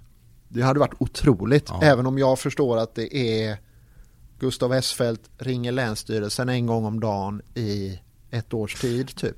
Nu ska det väl vara så här att jag har faktiskt redan förekommit den tanken. Alltså vi håller på att titta lite grann på vad vi kan göra här uppe och eh, det, det finns en liten dröm och en liten vision som jag själv har. Men eh, vi, vi, ska låta det vara osagt. Liksom så här, va? Men det är klart att läktare hade ju inte suttit fel. Men då skulle man ju egentligen göra det till matcharena lite grann mer. Så vi, låter, vi stannar den tanken så kan vi återkomma i det i ett annat avsnitt. Mm. Det gör vi gärna. Ja, men eh, det, det, självklart så ska vi nyttja våra faciliteter ännu mer på rätt sätt nu när vi också då som du säger äger den. Då, då är det jätteviktigt att så här är det. För mig är Kamratgården den ska vara välkomnande.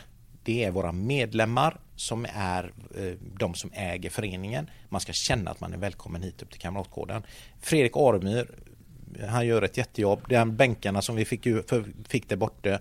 Ett sånt härligt fantastiskt initiativ. Det är exakt det jag pratade om förut. Eh, våra kära supportrar, medlemmar, you name it, som gör det här extra lilla jobbet som gör att det blir lite, lite trevligare här uppe, lite, lite, lite bättre. Där vi försöker hjälpa till så mycket vi kan givetvis. Eh, men det är också det man måste snappa upp de här idéerna, försöka vidareutveckla dem, få tag i folk som kan hjälpa oss till rimliga pengar, alla de här bitarna. Vi, vi, vi, måste, vi måste hela tiden vara på tå och vakna för de input vi får men också från alltså, helt enkelt den krassa ekonomiska verkligheten. Hur gör vi saker så bra som möjligt till den rimligaste pengen. Mm. För jag vill inte säga så billigt som möjligt, för det är inte det som är grejen. Vi ska göra de rätta sakerna till en rimlig peng. Så. Det kändes som att jag drog igång en boll som vi hade kunnat prata om i 90 minuter nu. Det och gräsmattan är en egen podd.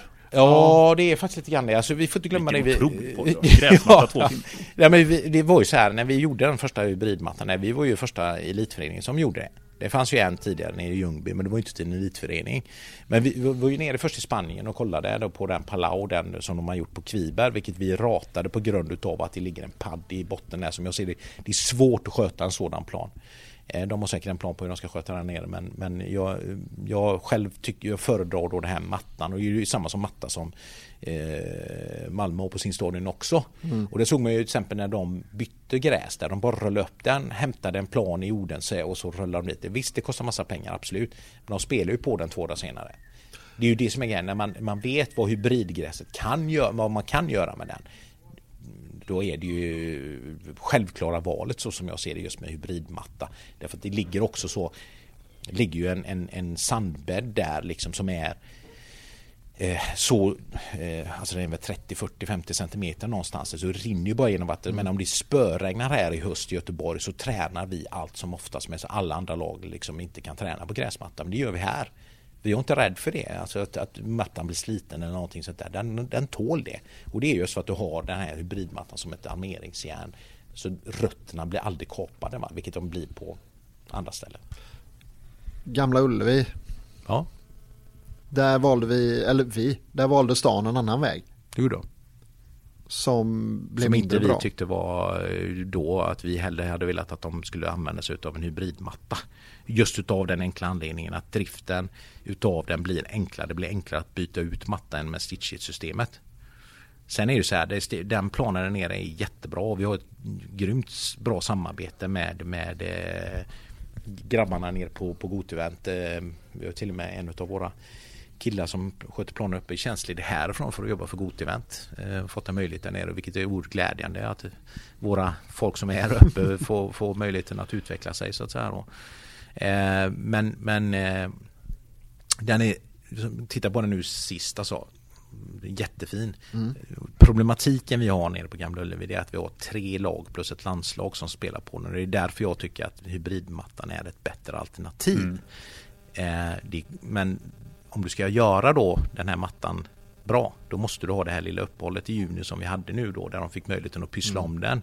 Och då kan inte eh, vi, guys eller ÖIS spela på den under den tiden eller damlandslaget heller. Det räcker med de fyra till sex veckorna för att vi ska kunna och det gäller bara att planera det så blir det bra och det gjorde vi nu.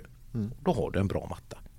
men, eh, men det är, jag vet inte om det är så men det känns som att mattan här uppe är bättre i mars-april än vad den är på gamla. Det, det beror på att, helt enkelt på att det, det ser så ut helt enkelt egentligen. Ja. Men samtidigt är det så, den håller ju bättre för det är den typen så som mattan ser ut då, eller i och med att gräset inte har vuxit så, så tål ju den här mer stryk. Va? Mm. Och det, menar, vi gör ju 450-500 timmar på den, alltså det är ju extremt mycket. Mm. Extremt mycket. Och då är, det, då är det seniorfotboll vi pratar. För det är skillnad. Även när det, om ett damlag skulle spela så blir det lite skillnad jämfört med när herrlaget går ut. Det, det, det, det tar mer stryk helt enkelt. Mm. Men guys, har de spelat något på gamla i år? Har inte de varit mycket på Bravida? Jo, ett par. Men, ja, det, var... men det är den sista tiden här nu då, det... tack vare att vi ja. har, har det här uppehållet här nu då. Så de har allt varit på, på Gamla Ullevi, ja, absolut. Det är synd, man skulle ju vilja göra det till en ren elitfotbollsarena och så kan... Vi skulle ha en egen arena. Ja, jo, givetvis. Men eh, det, det, där kan vi snacka om ett program. Ja, Diskutera den då. Ja, man ska, för det, det, den kostnaden är ju extremt stor. Men jag menar, det, på sikt måste vi... Det är väl det som krävs. Om vi pratar pengar i fotbollen så är det väl det som krävs. Ja men det är lite grann där och det, det, det är en större fråga. Jag kan tycka lite grann att... Eh, här måste ju... Det ska göras en ny plan eh, affärsplan. Eh, bara nämna det. Och där är det viktigt också just att vi måste ha en ekonomisk plan för det. För att ja, vi är en medlemsförening. Det är inte meningen att vi ska ha massa pengar på banken. Men om vi ska göra någonting, till exempel ha en egen arena. Ja men då är det dags att ha pengar på banken. Hur mycket det ska vara? Ja men det är en bra diskussion. Och jag tycker att det där är någonting som Absolut vi medlemmar ska ställa frågan. Jag kommer ju vilja ställa den frågan att finns det en tanke? För vi måste göra den undersökning. Finns det möjlighet? Vad skulle det kosta? Vilka ekonomiska förutsättningar krävs det? För det kan skapa en möjlighet för oss att i föreningen kunna säga att alright, det här är pengar vi behöver ha som grund. Bra, då fattar vi varför om vi säljer en spelare för 30 miljoner att vi inte väljer att återinvestera 10 miljoner av dessa på en ny mm. spelare utan en stor del av den summan går in till kassan för någonting i framtiden. Gustav, du är inne på det. Vi pratar om utveckling här på Kamratgården. Christian, du pratar om det också att ha en arena här kring Kamratgården. Vi pratar om att ha en egen arena. Men då måste vi fortsätta vara så här öppna och transparenta och prata om att det här är våra ekonomiska mål. Och genom hela programmet så har vi pratat om att man kommer ingenstans utan att dra upp en plan och sen konsekvent hålla sig till den. Och det gäller ju givetvis att utveckla Kamratgården och det gäller ju givetvis en egen arena. Och i och med att vi är en medlemsförening så är det väl bra om vi kan hålla den processen ganska öppen ändå. Nej, men det, är, det är väl självklart. Sen är det ju som så här att eh, processen måste det måste få börja någonstans och man får få börja göra förarbeten och alla de här bitarna och se om det är eh, rimligt eller ekonomiskt möjligt eller eh, vad det nu kan vara man, man behöver göra. Eh, givetvis så måste vi, måste vi eh, göra det arbetet men nu ska jag på så här snart hämta barn på dagis, det ska jag inte alls men jag ska eh, till min, min, min eh, snart 18-åriga dotter, vi ska försöka planera hennes eh, födelsedag och sådana här grejer. Vi, vi har tjötat länge gubbar nu. Ja otroligt alltså, du är en sån gäst vi skulle kunna sitta här till midnatt och det är ju också trevligt där. Vi, får ju ha, det, det här är, vi börjar närma oss When We Were Kings nivå här nu, men det får vi göra nästa gång med Gustav här. Då kan vi ju slå, är det Leo Messi som hade 12 timmar? Han körde väl tre avsnitt där i Niva eh, där om Leo Messi. Ja och eh, senaste vändan med Cruyff var väl också tre, tre timmar. Ja, men nästa gång vi har med Hässelfeldt så tar vi en sån här. Vi kan ha så här, vi satsar på tio timmar. Söra lite ja, alltså jag, jag känner så här, jag vill ju alltid vara bäst. Så att jag menar vad fasen är det Då tar vi 14. Vi tar Niva. ja, men man kan väl säga så här. Jag tror, jag tror att det, det är eh, precis som ni är inne på, transparens kring olika saker. Alltså, jag tror att det är extremt viktigt att, att eh, folk förstår hur mycket som händer i bakgrunden.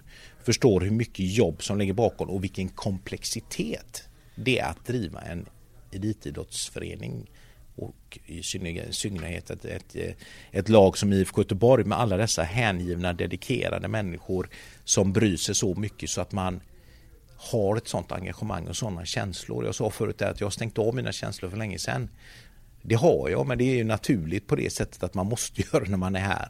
Men ibland eh, Min lilla dotter på två år satt hemma och kollade på fotboll. Det var ett blåvitt lag som spelade och det blev mål. Och då säger hon men mamma, för jag var inte hemma, jag var på en match eller något. Men mamma, vad fan, sa hon. Och då insåg eh, Alexandra då att det, är inte jag som har lärt henne utan det måste vara att Madicken som hon heter då hade sett det här själva och det är ju liksom, det är lite grann är det ju så liksom att eh, man Alltså Blåvitt är ju ens hjärta. Jag, jag, åkte in för några år sedan, åkte in i den här kurvan där borta. Jag tror jag hade jobbat 20 år då i föreningen. Så funderade jag, så jag har varit 20 år här. Kan jag tänka mig att 20 år till? Ja, det vet jag fan om inte det skulle funka. Så att det, det, är där någonstans jag befinner mig liksom i det här. Sen är det ju så här, man vet aldrig vart livet tar vägen eller vad saker och ting blir för någonting. Men det är klart någonstans så, så jag kan den här klubben, jag vet hur det mesta fungerar och jag älskar den. Eh, det är svårt att förklara vad det innebär. Men det innebär också att man man vill verkligen att det här ska gå väl och jag önskar verkligen att jag får stå på Götaplatsen snart igen och fira det där SM-guldet. Eh, oavsett om det är vårt herr eller vårt damlag eller vad det nu kan vara vi landar i.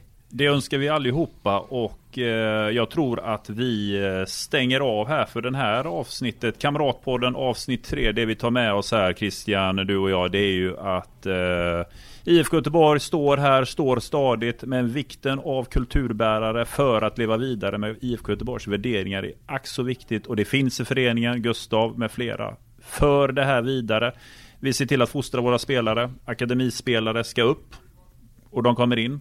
Och vi tar också väl hand om de spelarna som kommer från utlandet för att komma in i IFK Göteborg. Gustav Hessfeldt, du ska ha stort tack för det jobb du gör för IFK Göteborg. Jag tror vi talar för alla medlemmar, supportrar som följer IFK Göteborg. Guld värt. Du ska ha stort tack för att du tog din tid i denna inrutade vardag som du aldrig stänger av. Att du tog dig tid att snacka med oss. Eh, stort tack för detta och eh, vi ses ett annat avsnitt längre fram och då slår vi Erik Niva. Vad säger du om det Olsson? Det låter toppen. Stort tack. Tack själv. Ha det gött.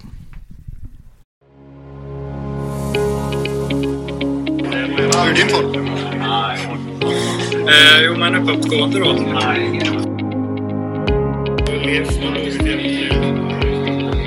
Jag trodde som pojke att jag... Ja, det var en dröm att spela i ett skitboll.